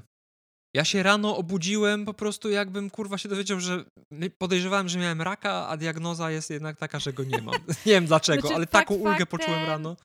Tak, ja nie sądziłam, że jeszcze którykolwiek film Marvela wzbudzi, wywoła we mnie takie emocje, jak wywołał właśnie Infinity War, Endgame, Civil War. A tutaj, proszę, coś takiego. Problem z Infinity War i z Endgame jest taki, że one są takimi jednostrzałami trochę. One za drugim razem już moim, przynajmniej w moim nie. przypadku, nie działają już w ogóle. Nie. O, nie, u mnie działają dokładnie tak samo. Słuchaj, ja nigdy nie byłam jakąś wielką fanką Endgame pod względem tego, że ja zawsze uważam, że to jest tylko, po, że to jest okej, okay, dobry film, ale to jest maksymalnie 7 na 10. Ja mhm. nie jestem fanką tego środkowego aktu. Znaczy, to nie jest tak, że uważam go za słaby, tak okej, okay, to się fajnie oglądało, było śmiesznie i tak dalej, ale no to ten, to ten akt był za długi, ja też nie jestem fanką podróży w czasie, więc ogólnie tak, no do obejrzenia spoko, a nie powiem, że to nie zagrało, ale kompletnie nie, nie wzbudzało jakichś większych emocji u mnie. E, podoba mi się tylko ten początek bardzo fatalistyczny, no i później no ta ostateczna bitwa, no nie oszukujmy się, to przeszło do historii kina. Ja bardzo się cieszę, że byłam fanką Marvela w momencie, kiedy ten film wchodził do kin i miałam okazję obejrzeć go na pokazie przedpremierowym i to tym takim o których się mówi do tej pory w internecie, tak, że ludzie krzyczeli, wstawali, darli się. No ogólnie no, sala kinowa zamieniła się w stadion piłkarski na, na, na te niespełna trzy godziny i było to niesamowite przeżycie, e, ale, bo tak zaczęłam gadać już, nie, a, no ale to działa. Ja ilekroć, choćbym sobie na YouTubie odpaliła, robię to od czasu do czasu, sceny z portalami, czyli tak Avengers Nie, to, to tak, tak to dalej. Fakt. Ciary, ciary zawsze są tak, te tak, same. Tak. tak samo ten początek, jak Czarna Wdowa tam mówi, że Thanos did exactly what he said he was gonna do, he wiped out 50% of all living creatures, też zawsze działa. E, zawsze stają mi łzy w oczach, jak okazuje się faktycznie, że udało się to pstryknięcie, tak jak z Cap stoi ten last man standing naprzeciwko całej armii Thanosa i nagle Steve, słyszysz mnie? Tak jakby Steve odbiór tu sam. On your left. A Infinity War zawsze. Tak jakby zawsze, okej, okay, no ten pierwszy seans to były w ogóle dla u mnie to emocje sięgały stratosfery, ale ile oglądam ten film wiele razy i zawsze działa tak samo, zawsze działa genialnie i mimo, mimo świadomości tego, co się tam później wydarzyło w Endgame, on w ogóle kompletnie nie, stra nie stracił na impakcie. Tak samo śmierć Lokiego dla mnie zawsze będzie dewastująca. Także, no nie, dla mnie Infinity War to jest film superhero, taki film absolutny pod tym względem. Także to, to chyba zawsze będzie pierwsze miejsce. Znaczy pod tym względem tak, ale ale mo na moim osobistym, w moim osobistym rankingu pierwszego miejsca chyba nie miał, nie? Nie miał, bo ja pier na pierwszym miejscu Strażników Galaktyki. Postawiłem zresztą, za zapomnijcie o tym odcinku, w którym mówiliśmy swoje, czy kiedy ja mówiłem swoje top 3, bo to się już zmieniło w tym momencie. Teraz top 3 to są Strażnicy Galaktyki. Ale to się często zmienia. Ja, ja, ja na przykład mam często tak z, z moimi różnymi recenzjami właśnie, E, że tam one się trochę czasami dezaktualizują, bo tam dłużej nad czymś pomyślisz, albo wrócisz do czegoś po latach i nagle masz do tego inne podejście. E, tylko krowa zdania nie zmienia. Myślę, że nawet krowy też z czasami zmieniają zdanie. Nie wiem, nie pytałam nigdy. Można kiedyś zapytać. Co ja miałam, co ja miałam dodać? No ja tak tylko dorzucę od siebie, że u mnie bardzo, bardzo wysoko w topce filmów w ogóle superbohaterskich jest The Suicide, The Suicide Squad Jamesa Gana. A to u mnie tak średnio. Film. U mnie średnio tak. Fanta, kocham taki. go. Uwielbiam 7 na 10. A to nie, to u mnie, licząc ogólnie wszystkie produkcje superbohaterskie, no, filmy, tak, no bo na pierwszym miejscu ogólnie to byłoby mhm. tylko The Boys, bo to, to przebija chyba Infinity War, no to The Suicide Squad jest w pierwszej trójce. To, tak trafia no w moje gusta. Znaczy na pewno jest to pierwsza trójka DCU. o, to nie trudno. Ale no, to prawda. Czy ty widzisz, ile my nagrywamy? Tak, widzę, to będzie chyba rekord. Więc emocjonalny roller coaster pe pełną gębą. James Gunn jest jak Dzień Dobry TVN potrafi przejść od historii o umierającej Amelce do tańczącej małpki. O Chryste, faktycznie. Oh my god. Śmieszny, fajny, mądry, Polecam całym serduszkiem. Jeszcze ja jestem pewna, że mi się przypomni 15 tysięcy rzeczy, ale no cóż, to będę wrzucać na sociale nasze. Albo będziemy jeszcze przy okazji innych tematów o tym wspominać, jak nam się zdarza często. kiedy wchodzimy w dygresję. Jak ten film wyjdzie na streamingu, to ja na pewno będę go oglądała z notatnikiem i tam spisywała jeszcze różne inne jakieś przemyślenia. I zrobimy drugi odcinek o omówienie filmu po streamingu. Tak, jak oceniamy Volume 3 po tam, nie wiem, dwóch miesiącach, tak? czy Natalia wciąż płacze? Czy tak samo, czy bardziej? Spoiler alert, tak, wciąż płacze. No dobra, zmęczyłem się trochę, więc trzeba ja kończyć. Też, a jeszcze muszę pracować. No jest, współczuję. Swoje opinie na temat najnowszego filmu MCU możecie zostawiać w komentarzach na mediach społecznościowych, na Facebooku, na Instagramie, na YouTubie. Piszcie koniecznie, ile płakaliście. Tak. Jak często.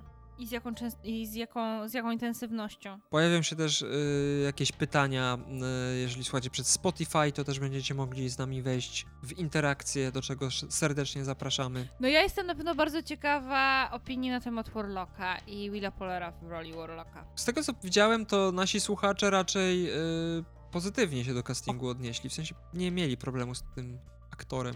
I dajcie znać, jak sądzicie, co ten Rocket, co, co ten Groot wtedy powiedział w Infinity War, że oni wszyscy się tak oburzyli. Czy to faktycznie było nie jesteś moim ojcem, czy, czy, co, czy to było jednak coś innego? Dawajcie znać. Takie pytanie zadam Czekam w na ankiecie propozycje. na Spotify, więc bądźcie czujni. A tymczasem do usłyszenia w kolejnym odcinku. Do usłyszenia. Pozdro 616. I Pamiętajcie, żeby kochać zwierzątka i nie, no nie tylko zwierzątka, wszystkie inne stworzenia, ale dbajcie o zwierzątka Tak. i jak macie swojego futrzaka w domu, to go tam ucałujcie i przytulcie. Podpisuję się, idę właśnie przytulić swoje pieski, bo stęskniłem się. Jeszcze większa miłość się do nich utworzyła, kiedy sobie ten film przypomniałem. No tak, tak to działa. A, i jak chcecie obserwować e, moje pieski na Instagramie, to zapraszam serdecznie. Bierka i Groszek. Będą się cieszyć. Merdać ogonami. Polecam, są przeurocze zdjęcia. Pozdro 616. Papatki.